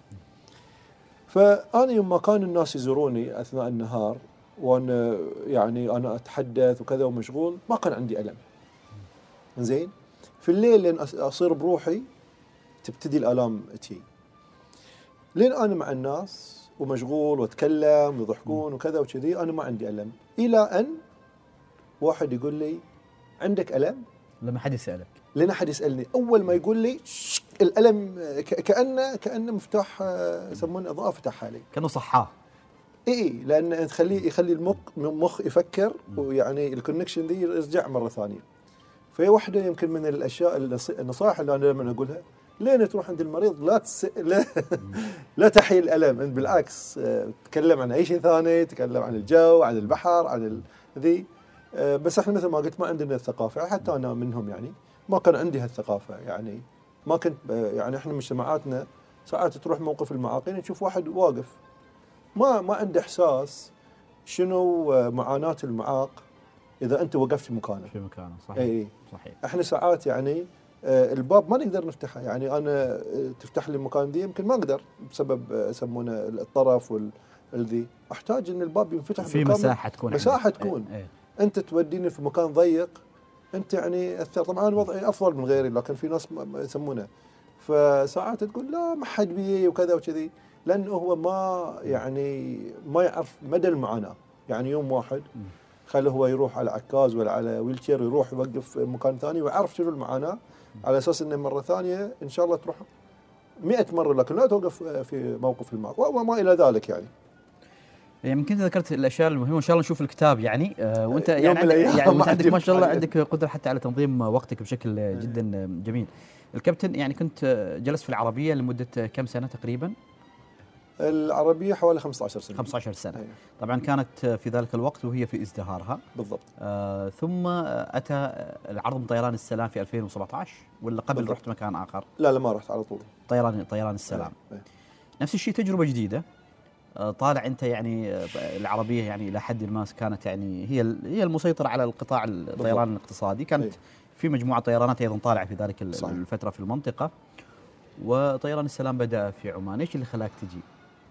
يعني تب... ال- القصة كانت تقريبا آه، مكررة أيضا. مم. أنا ت- طالع من شركة آه، أنا من مؤسسينها ولي يعني مكاني محفوظ وكذا وكذي وحققنا وأيضا طموحات العربية كانت جدا عالية. يعني آه، يمكن تقرأ بالأخبار يعني هم عندهم خطط مستقبلية وتوسعية وازدياد وكذا وكذي. آه، لكن جاتني فرصة. ورجعتني إلى نقطة البداية. نقطة البداية أنا دخولي للإدارة كان أساسا. أن إحنا ليش نعتمد على الأجانب في إدارة شركات طياراتنا. وبالعكس آه، يعني إحنا يعني أنا ما عندي أي تفرقة بالعكس آه، اللي يؤدي آه، شغله مرحب فيه. بالعكس إحنا نكتسب ونحن نتعلم. مثل ما قلت لك إحنا تعلمنا أساسا من الإنجليز. يعني بعض كل يعني حاليا أنا يمكن أنا عندي طباع ال- الإنجليز في العمل أكثر من من, طباع ال- من, من الإنجليز الحاليين من الشباب الإنجليز ال- الحين يعني الإنجليز اللي كانوا في جيلنا قبل, أيوة، أيوة. قبل 30 سنة إيه. آه يعني ما اخفيك انه كان عندهم خصال زينه إن آه، ما في مجاملة يعني اليوم إحنا مشكلتنا في المجتمعات العربية تروح في تتكلم عن واحد وكذا وكذي الكل يبتسم لك والكل يجاملك مع أنه في في قرارة نفسه ممكن ما ينفذ ال- ال- اللي أنت اتفقتوا عليه أو إن أساسا إنه هو آه، ما يوافقك الرأي لكن آه، إحنا نستحي. واحد جايني المكتب آه، صعب اني ارده أنا عندي ردني بالعكس. قل لي من البداية. أنا يا لك في فكرة معينة. ليش ما تصارحني؟ يقول لي هذه كلام أنا مقتنع فيه. ما يصير. لكن وهذه طريقة الإنجليز. دائما صريحين. صريحين ومباشرين. واللي يصير في الشغل ما له شغل هو ممكن يتهاوش مع زميله آه لمرحلة الدم. لكن تشوف آخر النهار جالس وياه في في باب جالسين يشربون مع بعض يضحكون وذي. إحنا لو تت شوية تتلاسن مع واحد آه، صديقك يمكن سنه ما تكلمه. ما تكلمه. زين. وتكون تتكلم عن العمل وعن ال- إي عن إي. الشغل. اي صحيح. وتشوفه يوم ثاني يون ويتكلمون إحنا ملاعين أمس كنتوا يسمونه متضاربين متضاربين وكذا وكذي. فهم عندهم آه، شوي من ال- ال- ال- الصراحة كذا اللي إحنا المفروض نتعلمها آه، آه، منهم. ال- النقطة إن لين تشوف شركة وطنية يعني بأموال أموال تقاعد بعد أيضا يعني بعض أموال طيران السلام ويديرها شخص أجنبي وغير كفؤ. ويؤدي إلى يعني خسارتها شيء يحسب النفس يعني.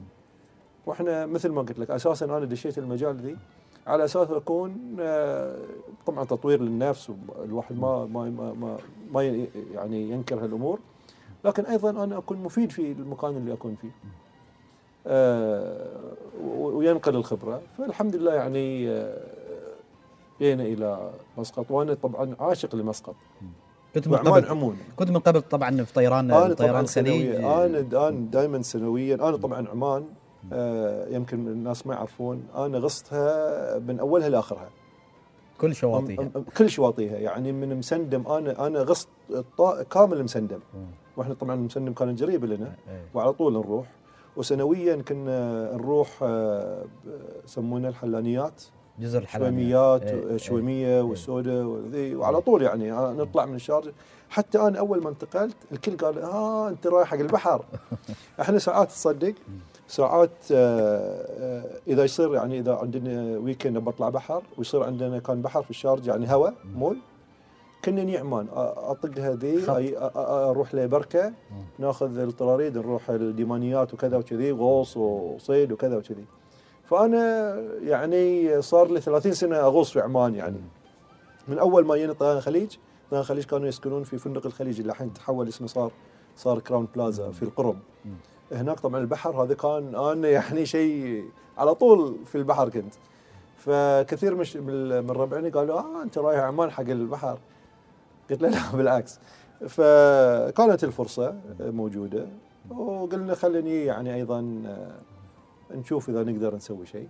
وبديتوا يعني آه، يعني هي مثل المغامرة واليوم يعني أنا أيضا تفاجأت إنه إن ما شاء الله وصلتوا ال break even يمكن في ظرف سنتين تقريبا ثلاث نعم. سنوات يعني. نعم. وهذا يعتبر يعني نجاح جدا جدا جدا كبير أو نقطة التعادل يعني. آم، كابتن طبعا يعني إحنا إحنا تعدينا نقطة التعادل. يعني نقطة التعادل في خلال سنتين سنتين. عندنا إيه، إيه. أرباح يعني أرباح. قياسية. ما شاء الله عليك الحمد يعني. لله. وقلت لي في 20 22 الأرباح أكثر من آه، رأس المال يعني؟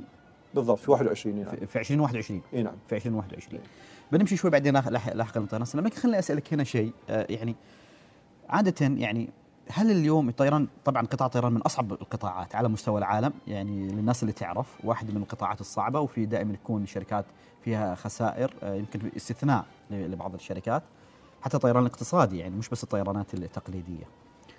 لكن في منطقتنا هنا من من العالم خاصة في دول الخليج. هل في قسوة دائما تكون على الرئيس التنفيذي المواطن أو الخليجي أكثر من الرئيس التنفيذي اللي قادم مثلا من أوروبا أو أمريكا؟ يعني القسوة من في محاسبته بشكل أكبر والله ما ما عندي علم. يعني ما أنا ما ما, قد نظرت لها من هالمنظور أو آه، طالعتها فنشوف اي أي رئيس تنفيذي أو أي شركة. آه، إحنا مثل فرق كرة القدم. زين فريق كرة القدم إذا الفريق غالب ويجيب الدوري ويجيب الكاس ويصعد وذي يقومون يرفعون المدرب يقولون له ما في يعني أحسن منه يرفعونه فوق اللي يسمونه. واللي يقول يقول أبي هاللاعب شيلوا هاللاعب ذي يسوي اللي يبي يخيط ويبيض مثل ما يبي. من يخسر؟ من من آه، يسمونه آه، يطير راس مباراة- اول من مباراة واحدة يمكن. زين آه، يقوم الصبح إلا يشوف الجريدة إنه هو يسمونه طالع مثل ما تشوف الفرق. ف الشركات الشركات سواء طيران أو غير طيران نفس الشيء. أنت إذا تحقق نتائج جيدة ما حد له شغل فيك. زين؟ محبوب ال- الشعب والمستثمرين ومجلس الإدارة والموظفين وكل شيء. إذا نتائجك آه، بديت خسر آه، إحنا عندنا مثل يقول لك من طاح الجمل كثرت. كثرت سكاكينه. كل واحد شوف يطعن من صوب آه، خلاص. فما ما أدري هل في فرق بين ال- بالعكس في عندنا يعني خليجيين في شركات يعني حققوا نجاحات وموجودين. يعني آه، وحصلوا احسن الذي وفي أيضا أجانب يعني موجودين عندنا في الخليج من سنوات. ترى الامارات من أول ما صارت آه، ما أدري الحين كم صار عمره تيم كلارك بس ما زال موجود ما زال يعني. موجود من إيه، من- من البداية. صحيح. ويمكن أيضا آه، يعني هو من المثالين الأشهر دائما الناس تذكرهم حتى على مستوى العالم يعني في الطيرانات ال- ال- اللي هي يعني ناجحة. يعني ما شاء الله طيرانات دول الخليج مثل القطرية ومثل الإماراتية يعني هم من الطيرانات اللي على مستوى العالم. الناس تضرب فيهم المثل. وأبكر أكبر الباكر مثلا من سنوات طويلة أيضا هو في الطيران ال- ال- القطري يعني كان نماذج من النماذج اللي موجودة. قطاع الطيران اليوم إيش تحدياته؟ عن تحدياته لما أنت دخلت طيران الخليج؟ اي طبعا أنا ممكن قبل لا أجاوب على هالسؤال بس اصحح معلومة. وهو إن قطاع الطيران هو بعبع.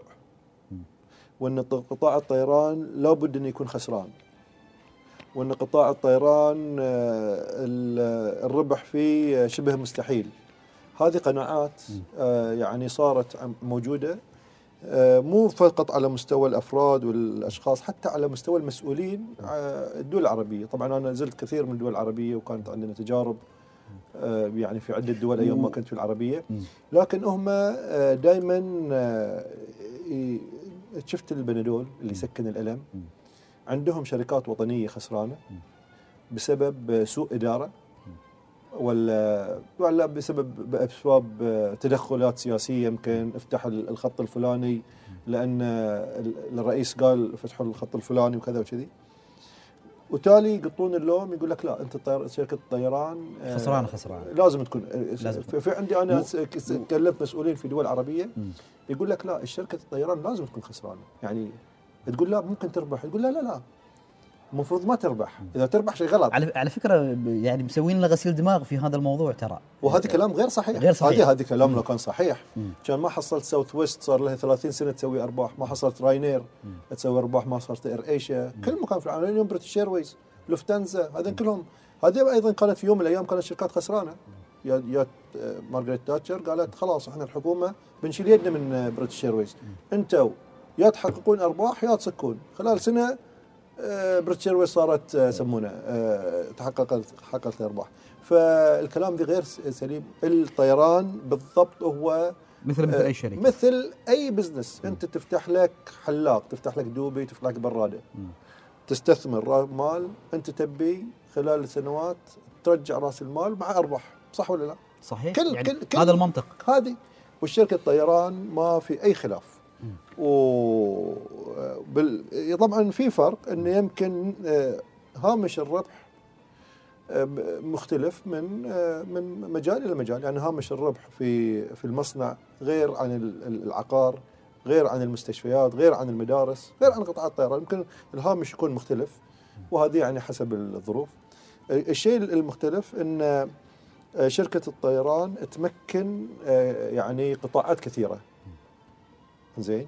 يعني مثلا أنا أجيب مسافر الفندق يستفيد مني راعي التاكسي يستفيد مني المطار يستفيد يأخذ آه، ضرائب يشتري من duty free زين المطاعم تستفيد آه، الأماكن السياحية آه، تستفيد. فمنظومة كاملة تستفيد. تستفيد. يعني أنا الحين شلت مليونين مسافر هالمليونين فادوا عشرة ملايين. ففي في فهذه إحنا يعني أنت لو شلت شركة الطيران تشوف كثير من الأمور راح توقف. إحنا لأن في الكوفيد يوم ما وقفوا ال- المطارات الفنادق صار فيهم خسروا. صحيح. المطاعم صار فيهم صحيح. خسروا. والتكاسي وما إلى ذلك. فهي فعلا آه، تدعم الاقتصاد سواء بطريقة مباشرة أو غير مباشرة.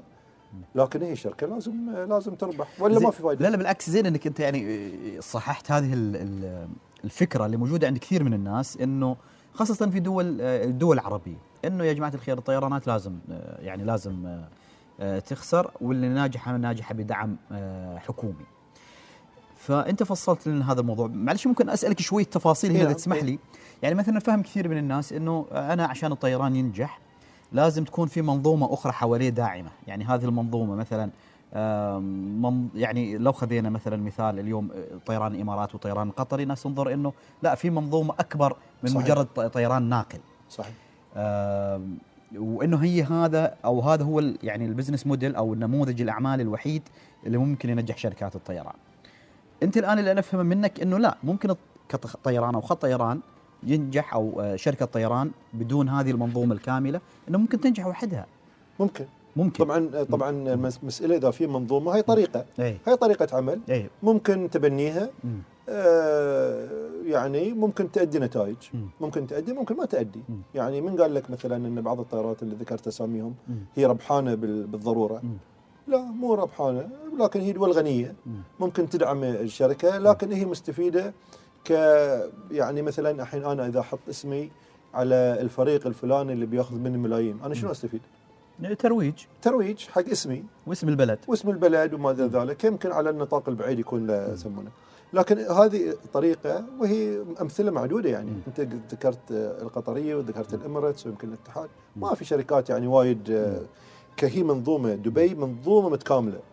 زين ال- المطار وال والطيران وشركة الكيترينج والفنادق والتكا كلها منظومة متكاملة متكاملة. تعاون آه، يسمونه وهذا يعني صعب تحقيقه إلا في يعني أماكن مثل دبي مثلا. لكن حتى في الخليج عندنا العربية بابليك آه، تحطها وهي ربحانة وممكن تروح اليوم على ال site. وما عندها هذه المنظومة. وما عنده لا منظومة. الجزيرة private. إنزين آه، مثل ما قلت لك Ryanair easyJet ما عندهم منظومات. آه، Southwest آه، ذي ما عندهم منظومات. يعني أنت مثلا ذكرت و- ويعني ودائما يعني الناس كانت تقارن مثلا بين الأسعار اللي موجودة في أوروبا والأسعار اللي موجودة عندنا في مناطقنا. يعني تشوف أحيانا إعلانات إنه والله بكم دولار أو بكم جنيه صحيح. استرليني تروح مثلا صحيح. من مكان إلى مكان إيش إيش السبب؟ إيش الفرق إن انت أحيانا في أوروبا تنتقل بأسعار جدا قليلة أحيانا أحيانا أحيانا بينما دائما أي. هو هو انت لازم تست يعني في عدة مسائل آه، مختلفة مم. اولا إن بعض الإعلانات التجارية هي إعلانات ترويجية مم. أنا حطيت آه، سعر. آه، قبل فترة يبدأ من كذا لا لا أنا حطيت سعر حتى مو يبدأ سعر حق براغ. آه، أرخص من إنك تأخذ تاكسي إلى مطرح نروح المطار. آه، أعتقد 19 ريال حطينا. آه، إذا من مسقط إلى من مسقط إلى براغ إلى. أول ما فتحنا ومن مسقط إلى أيضا destination ثاني أرخص من إنك تأخذ تاكسي من المطار من إلى مطرح إلى مطرح لكن هل أنا أفتح طيارة بالكامل؟ هل أنا طول السنة أبيع ب 19 ريال براغ؟ يعني هذه خسارة ما وراها خسارة. أنت تسوي أنت أنت تقول أنا إذا جيت حق قناة الوصال. قلت لهم سووا لي إعلان على براغ. قناة الوصال كم بتأخذ مني؟ يعني مبلغ وقدر. مبلغ صحيح مبلغ قدر. صحيح أنا بدل ما أعطي قناة الوصال أنا بسوي لي حملة ترويجية. بقول ال flight من دبلن إلى ما أدري شنو ب pound لأن هذا تاخذونه من حصتنا الإعلانية نحن. مثلا, مثلاً، واحد إيه. الطرق. فالشركات مو أقول آه، آه، إحنا. على لكن أقول لك الشركات يسوي له آه، حملة إعلانية بحيث إنه لكن هل هو يبيع الطيارة كلها pound ولا ب 10 pound طول السنة؟ أنت أنت العاقل ما يصدق. ما يصدق. مم. واصلا مستحيل. هذه التذكرة إذا أنت خذيتها قبل شهر ويحطون عشر مقاعد ولها شروط معينة وكذا وكذي. معينة. لكن أنت روح على Ryanair آه، روح آه، قبل مثلا ست ساعات ولا قبل يوم من الرحلة خذ التذكرة. إذا حصلت لها pound لك اللي تبي. زين؟ شيء ثاني مختلف في أوروبا إن خاصة الطريقة اللي Ryanair تستفيد منها إن هي تروح حق مطارات ثانوية. بعيدة؟ شوية. بعيدة وكذا وكذي. تقول لهم أنتم مطار فاضيين. زين؟ ما حد يجيكم. أنا بي آه، آه، يسمونه بسوي رحلات بجيب مسافرين ببيعهم ب pound وكذا وكذي. كم تعوضوني أنتم؟ أنتم بتحصلون كذي البلد آه، يعني يصير ذي القطار ذي. يقولون إحنا بنعطيك مثلا على كل مسافر 20 ولا 30 ولا 40 إنه جنيه. هو يريد ينشط السياحة في هذيك المدينة. اي فهو هو يحصل incentive بدل المطار نفسه. و آه، ممكن يشيل المسافر يشيلهم. مثل ما العام سوت الرياض. الرياض كان عندهم آه، يسمونه مهرجان الرياض ويبون الناس تتعرف على هالمهرجان.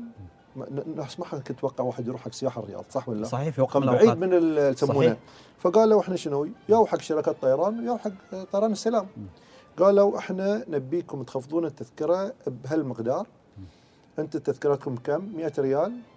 إحنا نبيكم تبيعونها مثلا ب 20 ريال. 8 ريال إحنا بندفعها. 80 ريال بن- بندفعها. بندفعها يعني لكم. يعني 80% قلنا خير وبركة. أيوه. إحنا نزلنا التذاكر بالسعر المخفض. التذاكر خلصت في نفس اليوم. اللي ما كان يفكر يروح الرياض راح. واللي راح الرياض بيرجع مرة ثانية. انبهر. صحيح. والسنة اللي اللي بعدها من غير دعم راح راح. الرياض مرة ثانية. زين؟ فالشركات والمطارات يسوون نفس الحركة. إحنا مع ال- والواقع أقول لك أنا ما حد يشتغل مطار صحار طيران سلام أول من شغل رحلات من مطار صحار سوينا إحنا أول من سوى صحار صلالة. وسوينا العام حتى سوينا صحار طرابزون. وسوينا صحار آه، شيراز وسوينا صحار آه، جدة. وسوينا صحار كاليكوت صدق أو لا تصدق أنا تكلفتي في مطار صحار أكثر من مطار مسقط. معقولة؟ سبب؟ إيه. لأن ال- ال- المطار مثلا على أساس إنه يحطون في شفت معين يختارون يبون الناس من مسقط يعني يمكن تكلفتهم عالية. بس المطار ما يعطيني الانسنتيف. إنك تحرك مع إنه هو مطار ما حد يروح له. أيوه. يعني أنا أقول لك الحين آه بدال ما مسقط فرضا سويتوا مثلا مطار في آه في راس الحد. زين؟ في الحين مثلا مشروع مطار في راس الحد ما حد يروح له. أنا أقول آه مثلا أنت مدير مطار راس الحد بقول لك أنت مطارك فاضي. أنا بجيب لك مسافرين لكن عطني عطني مثلا 20 ريال على كل مسافر وأنا ببيع التذكرة بريال. بيونك الناس. صحيح ترجع صحيح. المطار. صحيح. فهذه الفكرة موجودة لأن في تنافس شديد. طبعا إحنا ما عندنا. طبعا إحنا لا و- إحنا كعمان آه يعني أيضا آه، يمكن الدولة الوحيدة تقريبا آه، غير السعودية وبعض المطارات البسيطة في الإمارات لكن اللي عندها مطارات داخلية إحنا طيران سلام اليوم نطير إلى تسع مطارات داخلية سواء آه، حقول النفط مخيزنه وقرن علم وفهود وذي أو إلى مصيرة ودقم وصلالة كيف رحلات إلى مصيرة؟ عندنا رحلات إلى مصيرة في إي. عليها حركة يعني؟ يعني بسيطة لكن فيها يعني. نعم في في عليها. حركة ف... فالتنافس ما في يعني لكن في أوروبا المطارات كثيرة في تنافس فهم يدعمون فأنت ما تقدر. تقارن آه، يعني في النهاية أنت لو تأخذ سيارة قلت لك تاكسي من هني لمطرح آه، بتدفع يعني؟ طبعا هذا على أساس الناس أيضا على أساس ما تقول إنه في مبالغة لأنه فعلا من المطار تاكسي تاكسي المطار إلى مطرح يوصل أحيانا إلى 20 ريال يوصل يوصل, يوصل إلى حسبناها آه، يوصل إلى 20 ريال مش التكاسي الثانية أيضا. العادية على. أساس إي. الناس أيضا ما تاكسي المطار إيه. تاكسي المطار أيوه على أساس بس ما حد من أصحاب التكاسي اللي يسمعون الحين صحيح يقولوا لا أنتم تبالغون في. في الرقم. آه، الكابتن بلا شك إنه يعني كثير من هذه التفاصيل مهمة للناس أيضا اللي تسمعنا اللي أنت يعني ذكرتها وفكرة إنه المطارات هذه تكون داعمة يعني سواء مطار صحار أو مطار رأس الحد وتكون أيضا مربوطة بالبلديات اللي في هذه المنطقة أو بالمحافظة الآن إيه. إنه يا جماعة الخير انت تريد ناس مثلا تأتي إلى المحافظة أو تشغل المطار إنه تكون في آلية معينة للدعم لأنه التكاسي راح تستفيد آه، الفنادق راح تستفيد يعني تكون في منظومات آه، معينة. بس النقطة الأهم اللي أنت اليوم الليلة والليلة ذكرتها وأنت دائما على فكرة دائما صريح يعني مع وسائل الإعلام وحتى مع ال- الناس تلتقي اللي هو موضوع الربحية في قطاع الطيران إنه ممكنة بدون المنظومة اللي نحن صحيح. كنا نتوقع ونتخيلها إنه لازم تكون في منظومة متكاملة وهذه المنظومة والامثله كثيرة. آه، يعني يعني تدعم. وأنتم أيضا مثال جدا مهم آه، اللي يتحدث إنه عمان آه، أو الشركات إذا في شركات في عمان ما قادره يعني تربح في مجال الطيران. اليوم طيران السلام اكبر يعني أكبر نموذج آه، إنه أنتم تحققون أرباح وبشكل يعني بشكل أنا أشوفه بسرعة يعني. مش أنا عادة توقعت إنه خمس سنوات في هذا القطاع أو أو أكثر. أنتم من ثلاث سنوات وبدأتوا تحققون ال- الأرباح. آه، عند الحديث اليوم عن آه، طيران السلام والتحديات اللي أنتم مريتوا فيها. يعني كوفيد مر على كل العالم. بس أنت ذكرت لي نقطة مهمة لفتت انتباهي إنه أنتم 2021 حققتوا أرباح. صحيح؟ السبب؟ إحنا شوف آه، في الحقيقة طبعا آه، في في أزمات وفي فرص. انت دائما لازم تشوف الفرص اللي في الأزمات. يعني مو كل من خسر في من من الكوفيد. فايزر كسبت. كسبت. بس الطيرانات على مستوى العالم. خسرت صحيح؟ آه اللي يسوي اللي يسوي ال masks هذه لين أكيد آه كسب. آه إحنا كقطاع مو في 20 في 21 حققنا ارباح قياسية. يعني إحنا هل لو, لو نعيش طول حياتنا ما راح نحقق الارباح اللي إحنا حققناها. والسبب؟ والسبب إن آه، ال- الطيران كله كعموما هو عرض وطلب زين؟ كان في حاجة للناس إنها تعود إلى ديارها. زين؟ وما في أي شركات طيران آه، شغالة فالمساله مسألة كانت مسألة شارتر وفرص وخدمة مقدمة بسعر مقدم بكلفة معينة. فإحنا دشينا مثل ما قلت لك سوينا أكثر من آه، خلال سنة أكثر من ألف رحلة عارضة. مع إن إحنا مو شركة عارضة لكن إحنا غيرنا منظومه العمل اتخذت القرار إنه أخذنا تتجهوا القرار وقرارنا سريع. آه، يعني آه، كنا يعني يوميا آه، نروح آه، يعني في مناقصات آه، رحلات كثيرة. أي شيء يرسي علينا نيلس كم واحد إحنا نيلس آه، نحسبها آه، راح نحقق فيها. لو روح هامش بسيط نحقق. أنا كنت أروح الساعة 12 واحدة بالليل أروح ال- المكتب بس على أساس إن نسوي العقد. نوقعه ونطرشه على أساس يوم الثاني آه، الرحلة. الرحلة يسمونها تروح. لا وما كنتوا بس من عمان يعني كنتوا في كل مكان. كل مكان. وين الدول اللي اشتغلتوا فيها فترة إحنا أقول لك؟ رحنا في أفريقيا. في أفريقيا. في أفريقيا وايد اشتغلنا سواء في الصومال أو في وسط أفريقيا. لين نواكشوط إحنا وصلنا. رحنا الصين ورحنا. كازاخستان ورحنا ماليزيا. يعني أي مكان أنت تتصور في بالك يعني يمكن آه، مطارات آه، في أفريقيا يمكن ما سمعت عنها أصلا. بساسو وهرقيسة ومقديشو وما إلى ذلك. و... واللي صار يمكن إحنا آه، آه، انت تعرف إن آه، يسمونه باكستان في يعني فيها عندهم جماعة التبليغ اللي في باكستان. هذه لين معروفين يعني في العالم كامل ينتشرون في كل مكان في العالم. وباكستان واحدة من الأماكن الرئيسية اللي هم يكونون آه، هم مقرهم في باكستان إيه. لكن ينتشرون في كل مكان. إيه. يعني يروحون حق أغراض ال- ال- الدعوة وكذا وكذي. فيوم ما صار كوفيد أنت تتصور كم واحد من جماعة التبليغ ذيلين كانوا منتشرين في كل مكان في العالم. وطبعا ال- اللي مسؤول كان عن آه، ال- ال- الملف ذي كان السفير الباكستاني السابق في مسقط. وأنا أعرفه شخصيا. طبعا هو ترقى وراح في وزارة الخارجية مسك المنطقة ومسك أفريقيا. ويا قال لي إن إحنا عندنا جماعة التبليغ موجودين. 20 في هالمطار 50 في هالمطار 20 في هالمطار 100 في هالمطار. قلت له ولا يهمك. وقال هم في منظمة متكفلة انه يعني بالتكاليف عن طريق ال- السفارة عن طريق الوزارة. وتجيبونهم تجيبونهم إسلام آباد. تجيبونهم مسقط- هم. أغلبهم مواطنين باكستانيين. 100% كلهم مواطنين كل باكستانيين. المواطنين إيه. الباكستانيين يريدون وترتيب. من من وزاره الخارجية وكذا وكذي. والطيران الباكستاني خذ الدول الكبيرة آه، يعني المحطات الرئيسية لكن ما يتمكن إن نروح حق المحطات ال- ذي. قلت له ولا يهمك إحنا ننفذ. كنا نروح مطار نشيل 30 مسافر. نروح المطار الثاني نشيل 40 نروح المطار الثالث نجمعهم نترس الطيارة. ونجيبهم مسقط ونوديهم إسلام آباد أو كراتشي ونفس الشيء وهل فأقول لك يعني من من هالناحية يعني وما إلى هذه مثال من الأمثلة.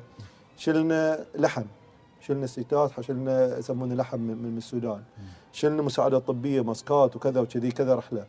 فأي شيء كان يوقع في يدنا تشتغلون. نشتغل ما عندنا ما عندنا مشكلة. يعني حتى زعلني يوم ما خلص الكوفيد قالوا خلاص وذي قلنا أفا إحنا كنا يعني مستفيدين. كنت- يعني- وطبعا صار الهند سووا الاير بابل آه الكرادور يعني الشركات كلها وقفت صارت فقط كم شركة تشتغل على بعض المطارات. وأيضا إحنا استفدنا من المسألة ذي لأن تعرف كمية الهنود اللي كانت كانوا بالخارج وكانوا لازم يردون. وبعدين آه آه، عودتهم مره ثانية إلى أعمالهم عقب ما بدأت تفتح. أيضا إحنا استفدنا منها. يعني ما كثير شركات طيران فكرت بهذه الطريقة على مستوى العالم صحيح؟ يعني الناس سرحت وسكرت إحنا يعني طبعا ما صرحنا ما سرحتوا حد ابدا. ما صرحنا لكن ق- قللنا التكلفة. إحنا رحنا حق الموظفين خاصة ال- ال- المجموعات الكبيرة مثل الطيارين وذلين وقلنا لهم إحنا عندنا خيارين. يا إن إحنا لازم نقلل تكلفتنا. وإحنا نبتدي من المانجمنت. إحنا أول ناس في عمان قللوا من رواتبهم. هي الإدارة حق طيران السلام. أنت والفريق اللي معك. إحنا والفريق كامل. أول شيء إحنا قللنا وتالي رحنا حق الموظفين. قلنا لهم إحنا يا نسرح مثل باقي الشركات. الإمارات شركة سرحت بالآلاف. كل شركات الطيران في الإمارات سواء الإمارات الاتحاد العربية فلاي دبي كلهم سرحوا بالآلاف. إحنا قلنا يا نسرح يا إحنا نقلل كلنا رواتبنا ونتم كلنا. فالكل اختار بلا يسمونه خلينا نتم كلنا لا نسرح أحد. حتى ال- ال- ال cabin crew قلنا لهم إحنا بندفع لكم رواتب لكن ترجعون دولكم. مثلا باكستان ولا الفلبين ولا إيران تكلفة المعيشة هنا قليلة. وخذنا آه وقلنا شققكم ال- ال- السكن مالكم ترجعونه. خذنا مخزن أجرنا مخزن. وقلنا إذا عندكم أثاث عندكم خلونا عندنا في المخزن ليه ما تسمون الظروف يعني حتى هذه الأشياء البسيطة فكرتوا الدقيقة فيها. فكرنا في كل شيء. أيوة. لكن إحنا قلنا ما بنخلي مثلا إحنا يبنى آه، مضيفة من دولة خارجية يبناها هنا في الأزمة نخليها؟ مستحيل. يعني هي يعني مثل ما أقول في الأيام الحلوة يعني كنا نبي منهم خدمة. فهذا يعني أيضا ساعدنا أن لين احتجنا إحنا الكرو ما يعني آه، رجعوا لنا وكذا وكذي وقدرنا نطير. يعني كل هذه الحلول هي حلول إبداعية في نهاية المطاف. يعني أنتم فكرتوا فيها في في وقت جدا جدا صعب. يمكن كورونا يعني كانت استثناء في كل العالم وفي ناس شركات طيران أصلا ما طلعت من كورونا لين الحين صح يعني في شركات ما ما تمكنت ترجع أصلا بالضبط إيه. يعني لأنه قطاع يعني في دائما شركات سكت بعد في شركات بشكل بشكل تام يعني ما إيه. ما, ما يعني ما رجعت اعلنت افلاس.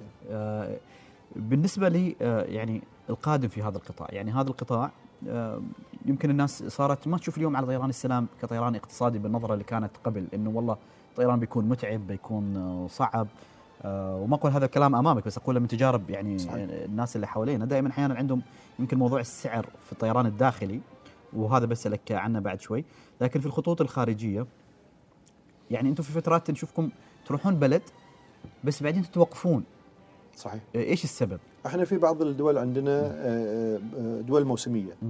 مثل سراييفو. أو أو مثلا باكو أو يعني إحنا طبعا نتمنى إن ال- ال- الأماكن تكون طول السنة يعني طرابزون هي يعني رحلة موسمية. لكن إحنا مستمرين فيها طول السنة. يعني حتى في الشتاء ما نوقف لكن بدل ما تكون رحلة أو رحلتين باليوم تكون رحلة أو رحلتين بالأسبوع. آه، سراييفو آه، طبعا بالصيف ما في أجمل منها. منطقة جميلة ويعني خضراء وكذا وكذي لكن في الشتاء برد وثلج يعني وما في. ولا في ناس من سراييفو يسافرون آه، إلى عمان. إلى إلى إلى عمان فليش أنا أخسر بال route؟ أنا اشغله بالصيف. وبعد الصيف اوقفه س- ومثلا آه، كان عندنا بورصة في إسطنبول آه، مثل ما قلت لك طرابزون عندنا باكو آه، السنة بنفتح الماتي. مع أن الماتي في أمل ان ممكن حتى نستمر فيها لأن في قد نحصل سياح خلال الشتاء يون يالسين مسقط. نحاول لكن الرحلات ال- في رحلات موسمية. مم. وهذه شيء طبيعي يعني. في النهاية أنا شركة تجارية. أنا ما أفتح الخط بس على أساس إن ال- يقال إن أنا عندي هالخط لكن أنا أفتح على أساس أقدم خدمة وأحقق ربحية. فأنا بدال كان ال- ال- ال- ال- المواطن أو المقيم العماني في السابق على أساس يروح سراييفو يضطر يروح الإمارات أو يروح قطر أو يروح الكويت والرحلة اللي مثلا خمس ساعات يكون عشر ساعات الحين أنا أوفر له خدمة مباشرة. والسعر. أرخص. والسعر أرخص. والسعر أفضل. والسعر أفضل. آه، الخطوط الداخلية يعني وخاصة خط صلاله مسقط مسقط صلاله آه، دائما يعني الناس تقول نحن توقعنا طيران السلام في البداية بيكون إنه يعني هو المنقذ آه، صحيح. فاحيانا الناس تشيك تشوف إنه الأسعار ما كثير فرقت صحيح إيش السبب؟ لا طبعا ال- الواحد لازم أيضا يكون آه، يكون منطقي. وأيضا آه، يعني يحق الحق. أنت انظر إلى أسعار آه، مسقط صلالة قبل طيران السلام. زين؟ كم كان السعر؟ وبعد ما طيران السلام كم السعر. أنت خلال ال- آه، خمسة وعشر سنوات اللي طافت كل شيء زاد سعره صح ولا لا؟ صحيح. كل شيء زاد سعره. صحيح. رواتب الموظفين سنويا فرض من الوزارة إنك لازم تزيد سعرهم صح ولا لا؟ آه الوقود زاد أسعار السلع أسعار الطائرات كل شيء كل شيء كل الدوائر الحكومية رفعت آه حتى يسمونه. لكن أنت روح تشوف سعر التذكرة على صلالة وروح تشوف عشر سنوات بتشوف إن السعر قل. وهذا تأثير طيران السلام. لكن هل إحنا نقدر إن يعني هل إحنا طي- طيران كخدمة مدنية؟ يعني أنا أنا إذا حصل دعم مثل ما راين اير تحصل في بعض المطارات الثانوية يقولون لي أنا بعطيك على كل مسافر 10 ريال. أقول خلاص هذه ال 10 ريال أنا بشيلها. أنا خط صلالة مو الخط الأكثر ربحية عندي. يعني معظم السنة خسران. خلال الخريف نسوي بعض الأرباح في صلالة. تتوزع على باقي السنة. الخط يعني مو مربح جدا. لعده أسباب. اولا تكلفة مطار صلالة. الوقود. المطار نفسه. الوقود في مطار صلالة هو أكثر مطار في المنطقة سعرا. يتكلم عن كل الخليج. ما أتكلم عن كل الخليج آه. أتكلم عن الشرق الأوسط بالكامل. الشرق الأوسط بالكامل. ما يعني. في مطار آه، يسمونه. يعني تكلفه تكلفة ال- المناولة الأرضية في مطار صلالة وايد أعلى من مسقط. مم. واحسب ما إلى ذلك إذا انت بس إذا- هنا تكلفة الوقود يعني أنا عارف يمكن حتى في حديث كان مع وزير الاتصالات نقل والاتصالات عن هذا الموضوع. ليش تكلفة الوقود في مطار صلالة الأعلى على مستوى قلت مستوى الوطن العربي يعني نعم ليش ليش السبب؟ وقود الطائرات إحنا نتكلم عن وقود الطائرات. نعم. إيش هل في سبب معين شرحوا لكم إياه؟ والله شوف أنا الأسباب يعني طبعا مو مجالي أعتقد إن الناس المسؤولين. آه، عن المسائل دي ممكن يوضحونها. لكن آه، لابد إن هناك تكلفة إضافية. لنقل وقود الطائرات إلى صلالة رب ربما يعني. آه، آه، مثل ما وقود السيارات اليوم آه، في تكلفة آه، عمان آه، سعر ال- الوقود موحد. أنت تصب بترول في آه، مسندم ولا تصب بترول في صلالة نفس السعر. مع إن آه، في تكلفة حق نقل من المواصلات لكن ال- ال- الوقود السيارات مدعوم. وقود السيارات في عمان مدعوم مدعوم. بمئات الالاف آه، يعني الطي- الطيران لا والطيران غير مدعوم والطيران الطيران غير بدري فمع ان أنا يعني. أنا آه، يعني آه، يعني قيل لي من فترة أن راح يوجدون حل.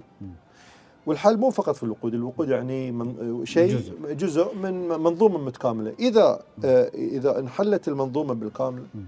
إحنا ما عندنا مانع أن نخفض أسعارنا إلى مطار صالح مثل ما قلت لك أنا في النهاية طيران تجاري عندي مستثمرين. والمستثمرين يعني حطوا المستثمرين من فلوس حقهم. يبون آه، يسمونه أنا ما ما أطلب آه، أرباح عالية في مطار صلالة لكن أنا أبي بس break even في صلالة. والأسعار اللي جالسين نبيع فيها إحنا قدرنا نخفض الأسعار من بعد قدوم طيران السلام لكن الأسعار اللي حاليا نبيع فيها هي تقريبا ال average طبعا إحنا بعد عندنا ال- الناس لازم أيضا من مشاكل مطار صلالة إن الناس على خط صلالة يحجزون في اللحظة الأخيرة. يعني أنا تعال على جدولي تشوف آه، مثلا بعض المطارات آه، مثلا بنغلاديش ولا براغ ولا بعد شهر أنا طيارتي اعرف كم بيكون فيها. أنا أطلع بعد ثلاثة أيام بصلالة طيارتي فاضية. زين يوم قبل تشوف الطيارة تنملي ساعات ما تنملي.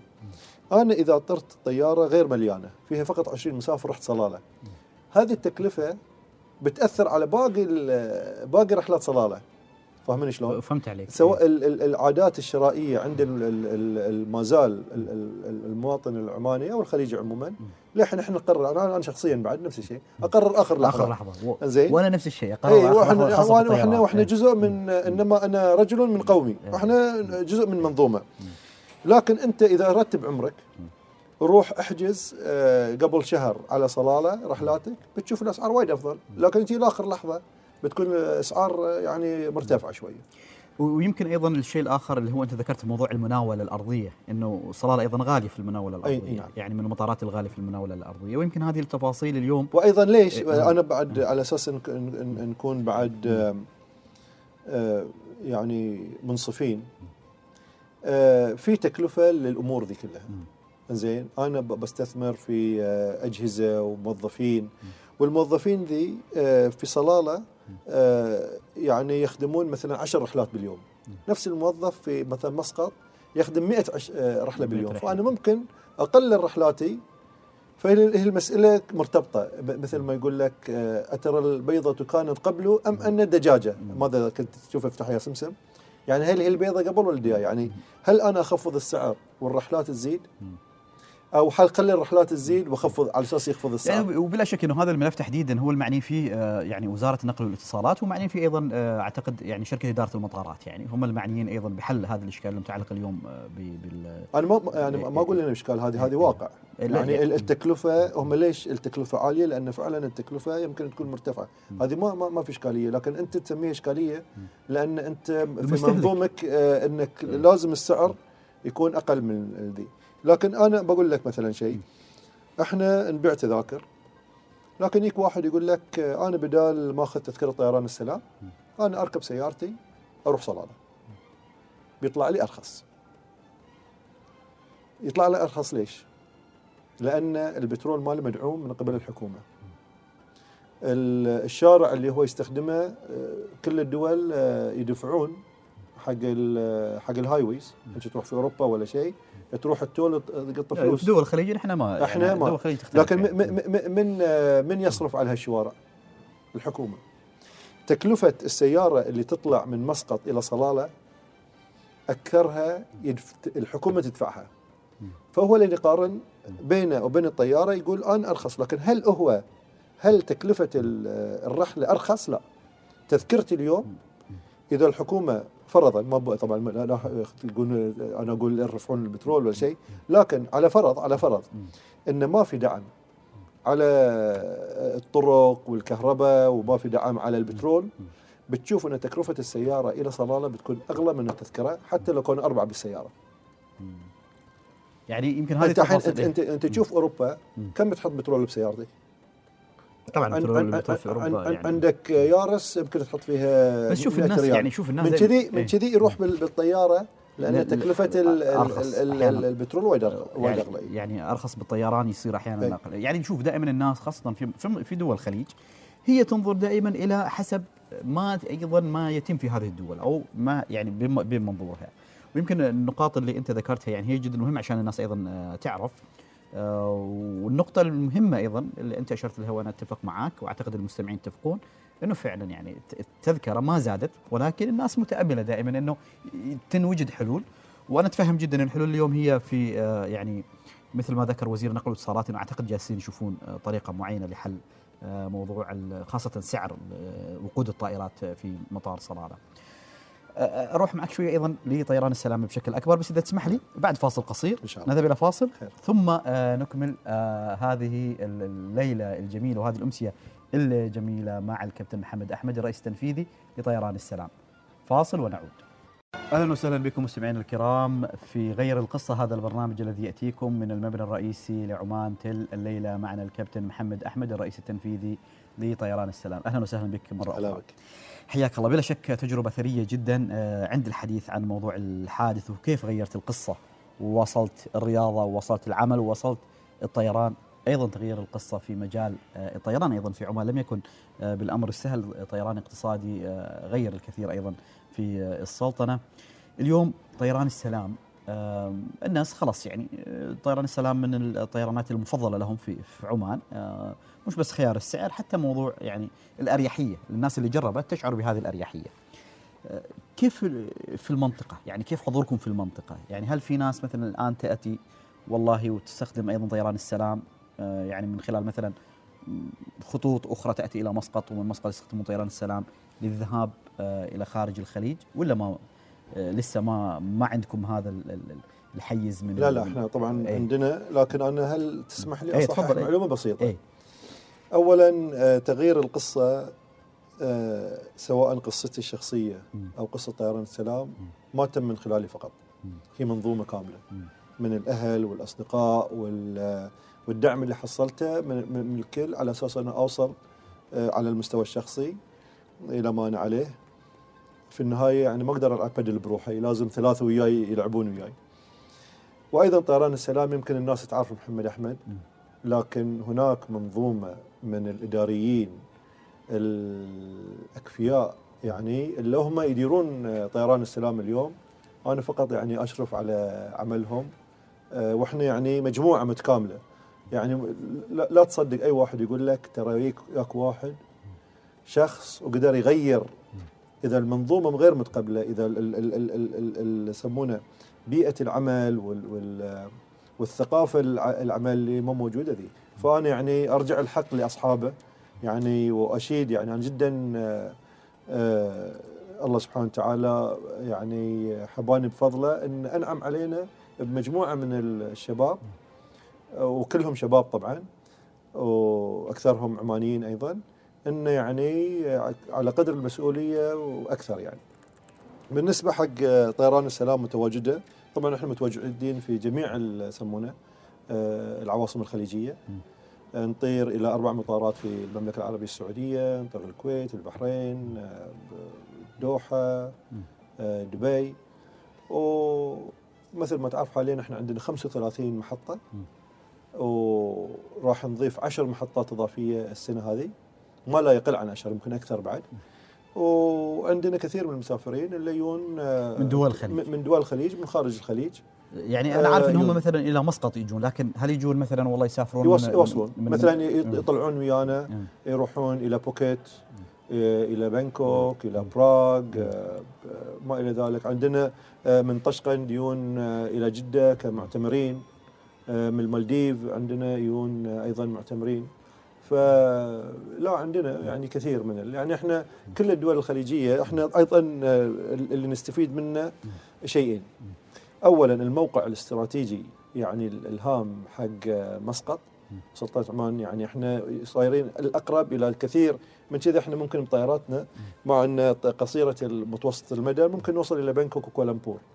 يمكن مثلا إذا أنت في الكويت يمكن ما تقدر توصل بنفس الطائرة.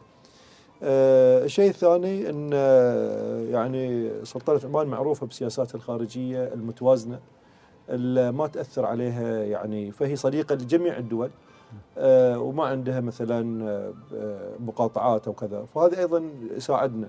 يعني إحنا عندنا حاليا ثلاث آه، آه، ثلاث محطات في آه، في إيران مثلا. بعض الدول ما تطير مثلا إلى إيران. إلى إلى إيران مثلا.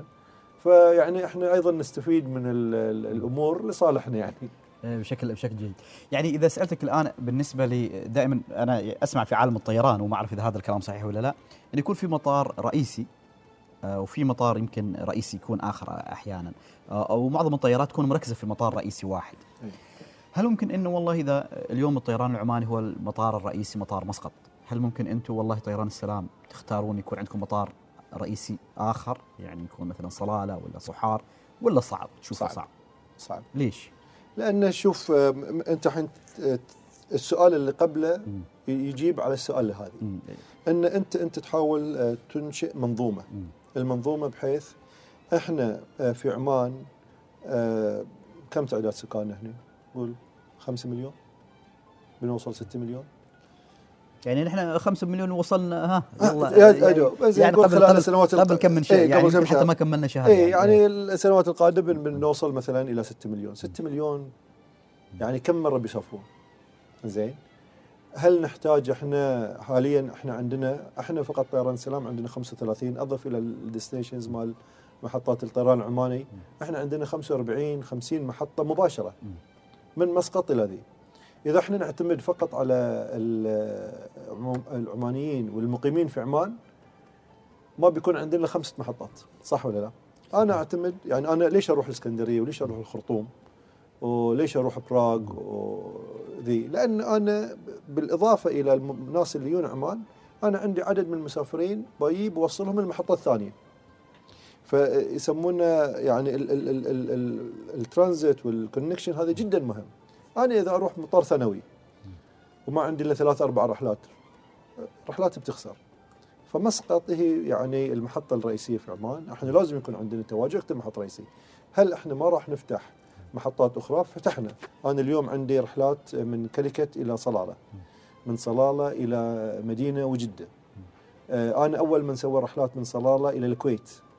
كان عندي صلالة أبو ظبي وكنا نبي نفتح باقي العاصمة الخليجية ما حصلنا التصاريح. أنا مثل ما قلت لك قبل صحار. عندي أربع خمس محطات كان من صحار. بفتحهم مرة ثانية بالصيف. آه، أنا في بالي إن يكون عندي محطات سواء في صحار أو في صلالة أو مستقبلا يمكن في الدقم إن شاء الله. زين أو حتى مسندم في المستقبل. لكن لازم محطتي الرئيسية تكون مسقط. تكون مسقط. لابد يعني هذه ما ما في لأنه يعني من الناحيه العملية ومن ناحية التكلفة يعني صعب جدا. المسقط هي اللي بتظل المحطة الرئيسية. وأيضا أيضا إحنا عندنا تعاون مع الطيران العماني. عندنا مسألة ال- الرمز المشترك الكود شير فتواجدنا اثنيناتنا في نفس ال- في نفس ال- ال- المحطة الرئيسية جدا مهم. حق حق يعني على الأقل لنا إحنا جدا مهم. على أساس تزداد التعاون لمصلحة عمان لمصلحة البلد.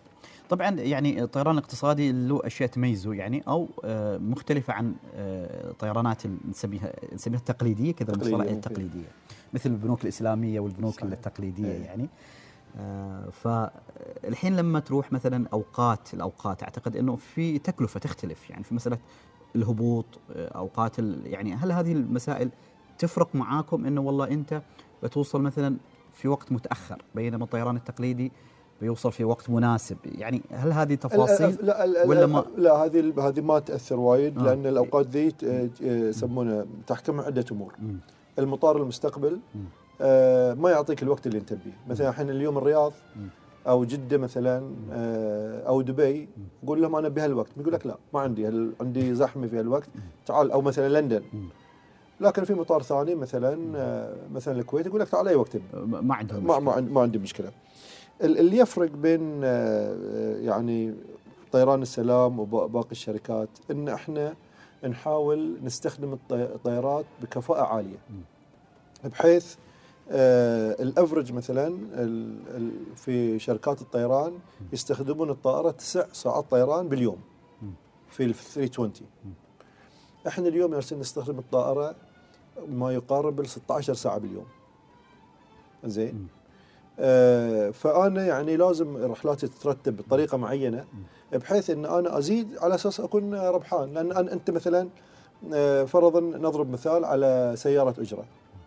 أنت أخذت لك سيارة أجرة وتيوم يوميا تشتغل ثمان ساعات. وتالي تروح تريح وتتغدى ويسمونه لكن إذا جيت مع أخوك قلت لك قلت له أنا أشتغل ثمان ساعات وأنت تشتغل ثمان ساعات. إحنا بنستغل السيارة كم؟ 16 ساعة, ساعة. أنت دافع سعر السيارة ساعة دافع سعر السيارة. لكن الربحية اللي بتحصلها بتكون بتكون أكثر. أكثر. إذا جبت لك أخوك الثالث وقلت له إحنا نسوي ثلاث آه، نوبات. إي. السيارة دي بتشتغل 24 ساعة. زين الحين في التكاسي في دبي اللي يسمونه ذي يقول لك السيارة ما ما يسكونها. من كذي كله ياخذون لكزس لأنه يقول لك إحنا سيارة ما نبندها. بس. لما تروح حق الصيانه شغالة 24 ساعة. 24 ساعة. ويتغيرون ال- ال- السواق عليه. فنفس الشيء. فعشان كذا الطيران الاقتصادي يقدر يعطي السعر أقل لأنه بالضبط. آه، يعني في من مع هنا من ان هنا مع إن إحنا طياراتنا. أحدث طائرات. لا مو أحد إحنا أحدث احد طائرات. الطائرات إحنا لسنتين آه، كنا أحدث أسطول في آه، آسيا. العام الماضي كنا الثالث أحدث أسطول في العالم. طياراتنا كلها جديدة سعرها مرتفع أكثر من اسعار الطيارات الأخرى.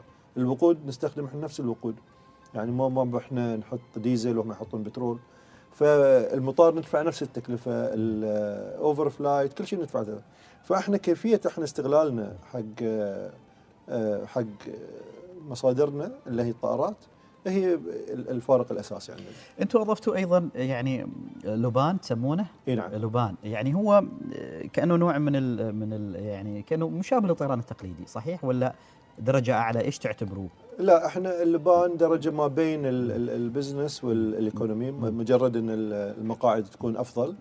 لكن ما عندنا مثلا بعض الأمور اللي الطيران التقليدي عنده. هي كانت تجربة لبان. آه ونجحت نجاح باهر. حبوها الناس. حبوها الناس. لكن إحنا حاليا اللبان فقط على طائرات. ال 321 عدد طائرات عندنا. لا إحنا اخذنا القرار داخل الشركة إن نسوي كل الطائرات يكون فيها لبان. مجرد آه، صف واحد أربع مقاعد. أيضا الطائرات الجديدة اللي راح نستلمها آه، آخر السنة بيكون فيها درجة اللبان. ف يعني التجربة كانت ناجحة. وهو الحياة كلها يسمونها حياة تجارب. يعني إحنا يعني حتى في المحطات إحنا ممكن نسوي دراسات وكذا وكذي ونفتح المحطه لكن الواقع يراوينا انه لا. يعني الخط ما المعطيات ما نجح. ما عندنا مشكلة نصكه على طول. يعني إحنا هو بلازم نكابر نفسنا ون- ون- ونكابر في الخسارة. وفي اللبان ياتي الفكرة من بعض الشباب قلنا خلينا نجربها. جربناها طلعت ناجحة. راح نطبقها على باقي الطائرات الطائرات الجديدة اللي نستلمها أيضا راح يكون فيها ال- اللبان. وين أكثر لكن إحنا ما ما راح يكون عندنا ال business class مثلا مثلا آه، باقي الطيران عندهم ثلاث صفات أربع صفات. نص الطيارة تشوف كلها business وبالتالي ال economy راصينهم رصاص إحنا بتشوف ال economy مالنا ال ال ال يعني المقعد السعه ماله يمكن اكبر أكثر من حتى الشركات التقليدية. من الشركات التقليدية. آه، وين أكثر الخطوط اللي كانت بالنسبة لكم ناجحة؟ ال ال ال النجاح حسب الموسم. يعني طرابزون في الصيف وايد ناجحة. في الشتاء لا آه، في رمضان جدة أفضل آه، الخط. آه، بعد رمضان يمكن ما يكون ال- ال- الوضع نفسه. عندنا مثلا بنغلاديش آه، ولا الهند ولا آه، يعني الفترة اللي طافت كانت آه، فترة ال- الأعياد والعطلات في إيران الرحلات كانت كلها مليانة حاطين رحلات إضافية وكذا وكذي. لكن أوقات ثانية ممكن إيران ما تكون آه، الرحلات فهي هي تتغير حسب يعني يعني تركيا الآن من أكثر يمكن الوجهات اللي هي ناجحة تقريبا. تركيا آه، تم يعني كانت أفضل الوجهات مع إن إحنا شفنا آه، بعض الانخفاض. المنافسة آه، أيضا شديدة. يعني مثلا ما عندنا مشكلة بالمنافسة. يعني انه شفنا حتى مثلا الطيرانات الأخرى صارت تعطي أسعار حتى أحيانا أقل من من المتوقع يعني. طيرانات صحيح. آه، افترض ان هي طيران. تقليدي. اي عرض وطلب إيه. إحنا آه، إحنا نشجع المنافسة. المنافسة يخلينا إن إحنا نكون أفضل. والأفضل راح يستمر. المسألة مو فقط سعر تذكرة المسألة منظومة كاملة للط- للطيران. وإحنا لابد إن نكون منافسين وأنا دائما أقول حق يسمونه ال- الفريق العمل إن إحنا لازم نكون منافسين بس أحيانا ما تحس يعني إيش يكون إحساسك أنت والفريق لما تشوف إنه والله مثلا الطيران التقليدي آه، اللي موجود والله كان هذاك الخط موجود عندهم لسنوات جدا طويلة وكانت أسعاره عاليه صح. أول ما أنتم بديتوا وك- وأنتم كلكم شركات وطنية إيه. نزلوا ال- السعر صحيح. يعني كيف تتعاملون مع الموضوع يعني كفريق آه، إداري إحنا آه، إحنا دائما نحاول آه، نفكر في الأشياء اللي إحنا نتحكم فيها. إحنا نتحكم في جودتنا إحنا نتحكم ذي. وثانيا ال ال يعني إحنا عندنا في خطتنا آه، تقريبا 100 آه، مطار. إحنا للحين ما نطير له. يعني السعودية نفسها فيها 14 مطار داخلي. زين. أنا ما عندي مشكلة أي واحد يجي ينافسني. يعني أنا مو إحنا أساسا خطتنا إن إحنا بس إن- يعني إن- هل- إحنا إحنا بقول لك طيران السلام أكثر طيران. يمكن عندنا أكثر من 20 محطة إحنا مشينا لها خطط آه، خطوط مباشرة لأول مرة. اسكندرية ما كانت آه، قط فيها رحلة مباشرة من من مسقط خرطوم ما كان فيه رحلة مباشرة. بوكيت ما كان فيه رحلة طرابزون إحنا اللي بدينا طرابزون. آه، بورصة إحنا اللي بدينا. باكو كان رحله مباشره بس بوكيت على سبيل المثال طيران عماني ما كان يطير البوكيت. اول. ما أنتم طرتوا البوكيت طاروا هم. مو أول ما طرنا لكن آه، آه. بوكيت يعني بعد ما طرتوا أنتم لكن بقول لك بوكيت آه والحق يقال آه بوكيت مو شركتين عشر شركات تي للحين في إقبال في بوكيت. تايلاند آه وجهة كبيرة. يعني مثلا آه يعني بعض الناس على بالهم إحنا نتضايق من هالأمور. لكن بالعكس إحنا آه إحنا يعني المجال مفتوح في بعض المطارات. يمكن المطارات الصغيرة لا.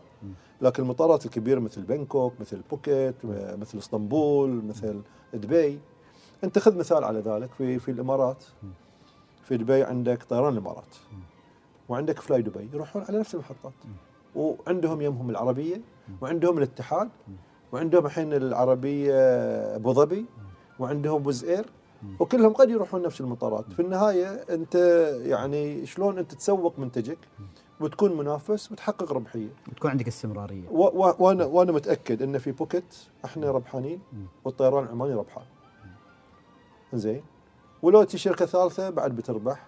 لهالفترة لأن في إقبال على في الصيف. خاصة يعني هي فترة الصيف يمكن الأكثر وهو في الصيف لكن آه، يعني تايلاند طول السنة. طول طول الس- طول السنة يعني من الوجهات المفضلة يعني. تايلاند مثل البرازيل وايد يجدونها يعني. آه، كثير ناس كثير ناس يروحون هالأيام راحوا الارجنتين على ماخذ الكاس يعني. آه، الحين يمكن الأرجنتين يعني إيه. تتابع كرة قدم.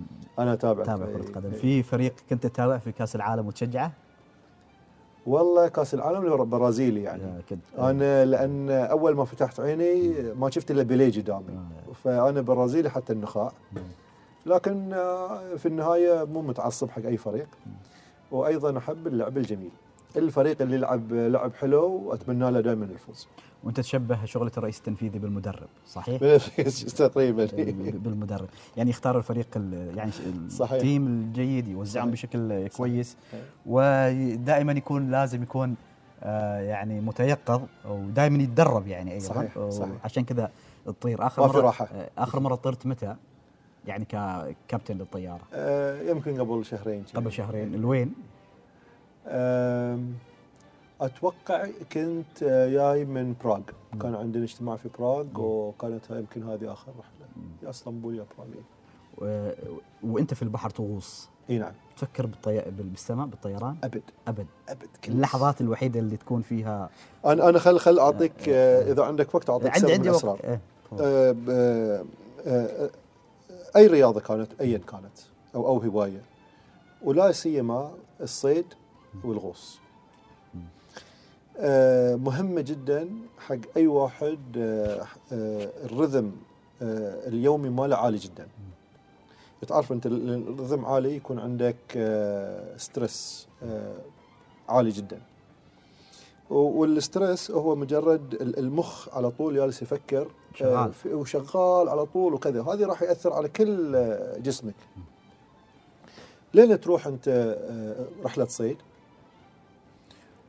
وتقط السنارة و- آه، والجيذر يضرب عليك وزنه 70 كيلو كذي في هاللحظة أنت والخيط والجيذر صح؟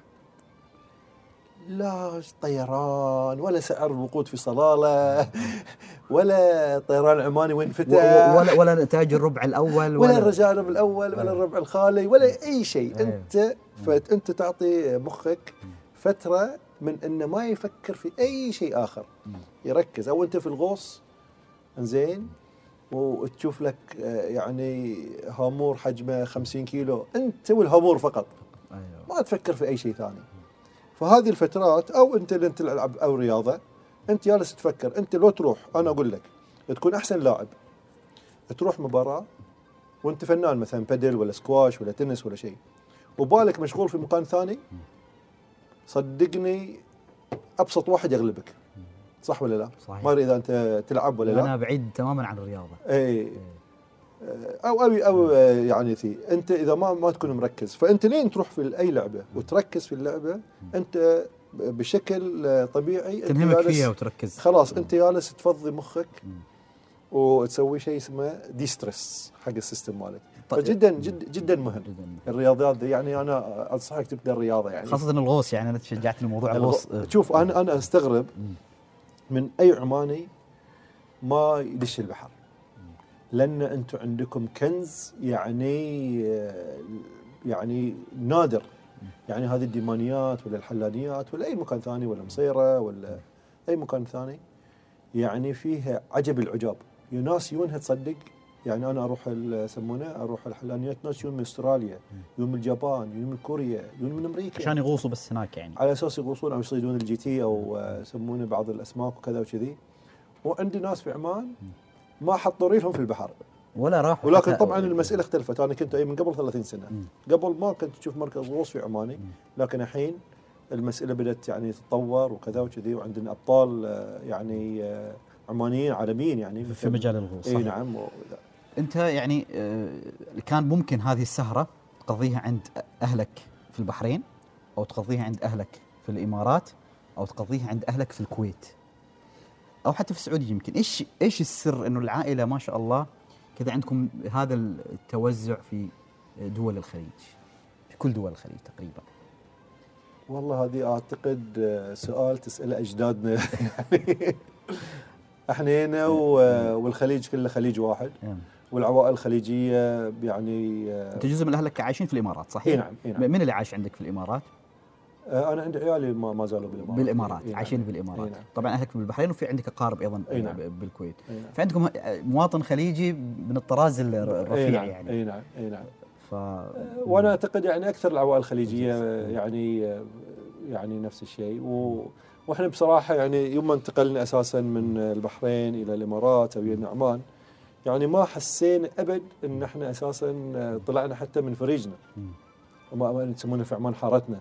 يعني اللي يقول في بعض الناس تستخدم حتى كلمة الحارة الفريج بعض إحنا في البحرين نقول إيه. فريج.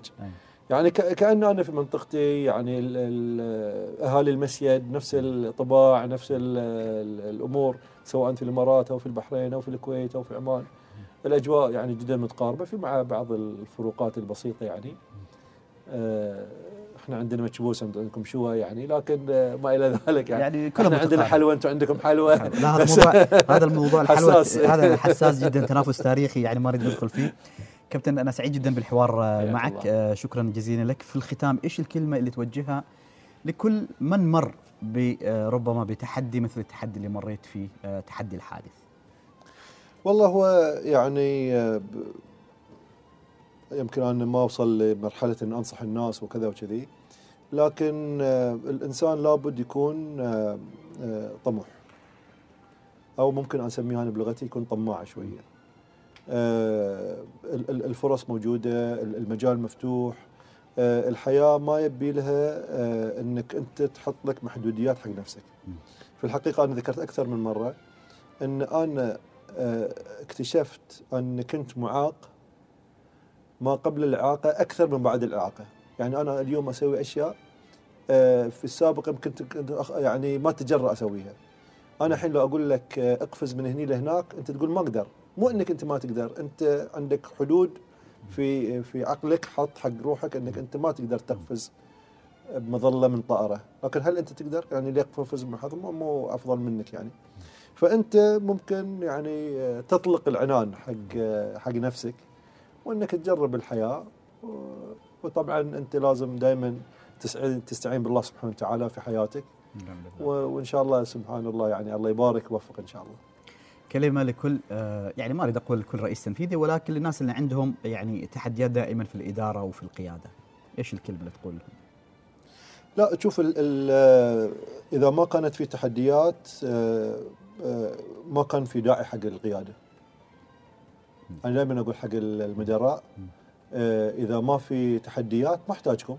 خلاص يعني ال- لو الأمور م- النظام. بيمشي والسيستم بيمشي فاحنا كل إيه. ما نشوف تحديات آه، نشكر الله سبحانه وتعالى إن يحتاجون على أساس نكون موجودين يعني ولا يسمونه هو أهم شيء الواحد يكون يكون آه، روح الفريق أهم من أي شيء آخر النتائج إحنا مو مسؤولين عنها إحنا مسؤولين أن نعمل أقصى جهدنا في كل موقع إحنا موجودين فيه نعمل أقصى النتيجة بيد الله سبحانه وتعالى رب العالمين. اي يوم والنتائج دائما متذبذبة، يوم تكون فوق يوم تحت، سنة بتحصل أرباح، سنة ما بتحصل أرباح، لكن أنت إذا منظومتك صحيحة وروح الفريق صح ونيتك سليمة ومتوكل على الله سبحانه وتعالى النجاح إن شاء الله راح يأتي.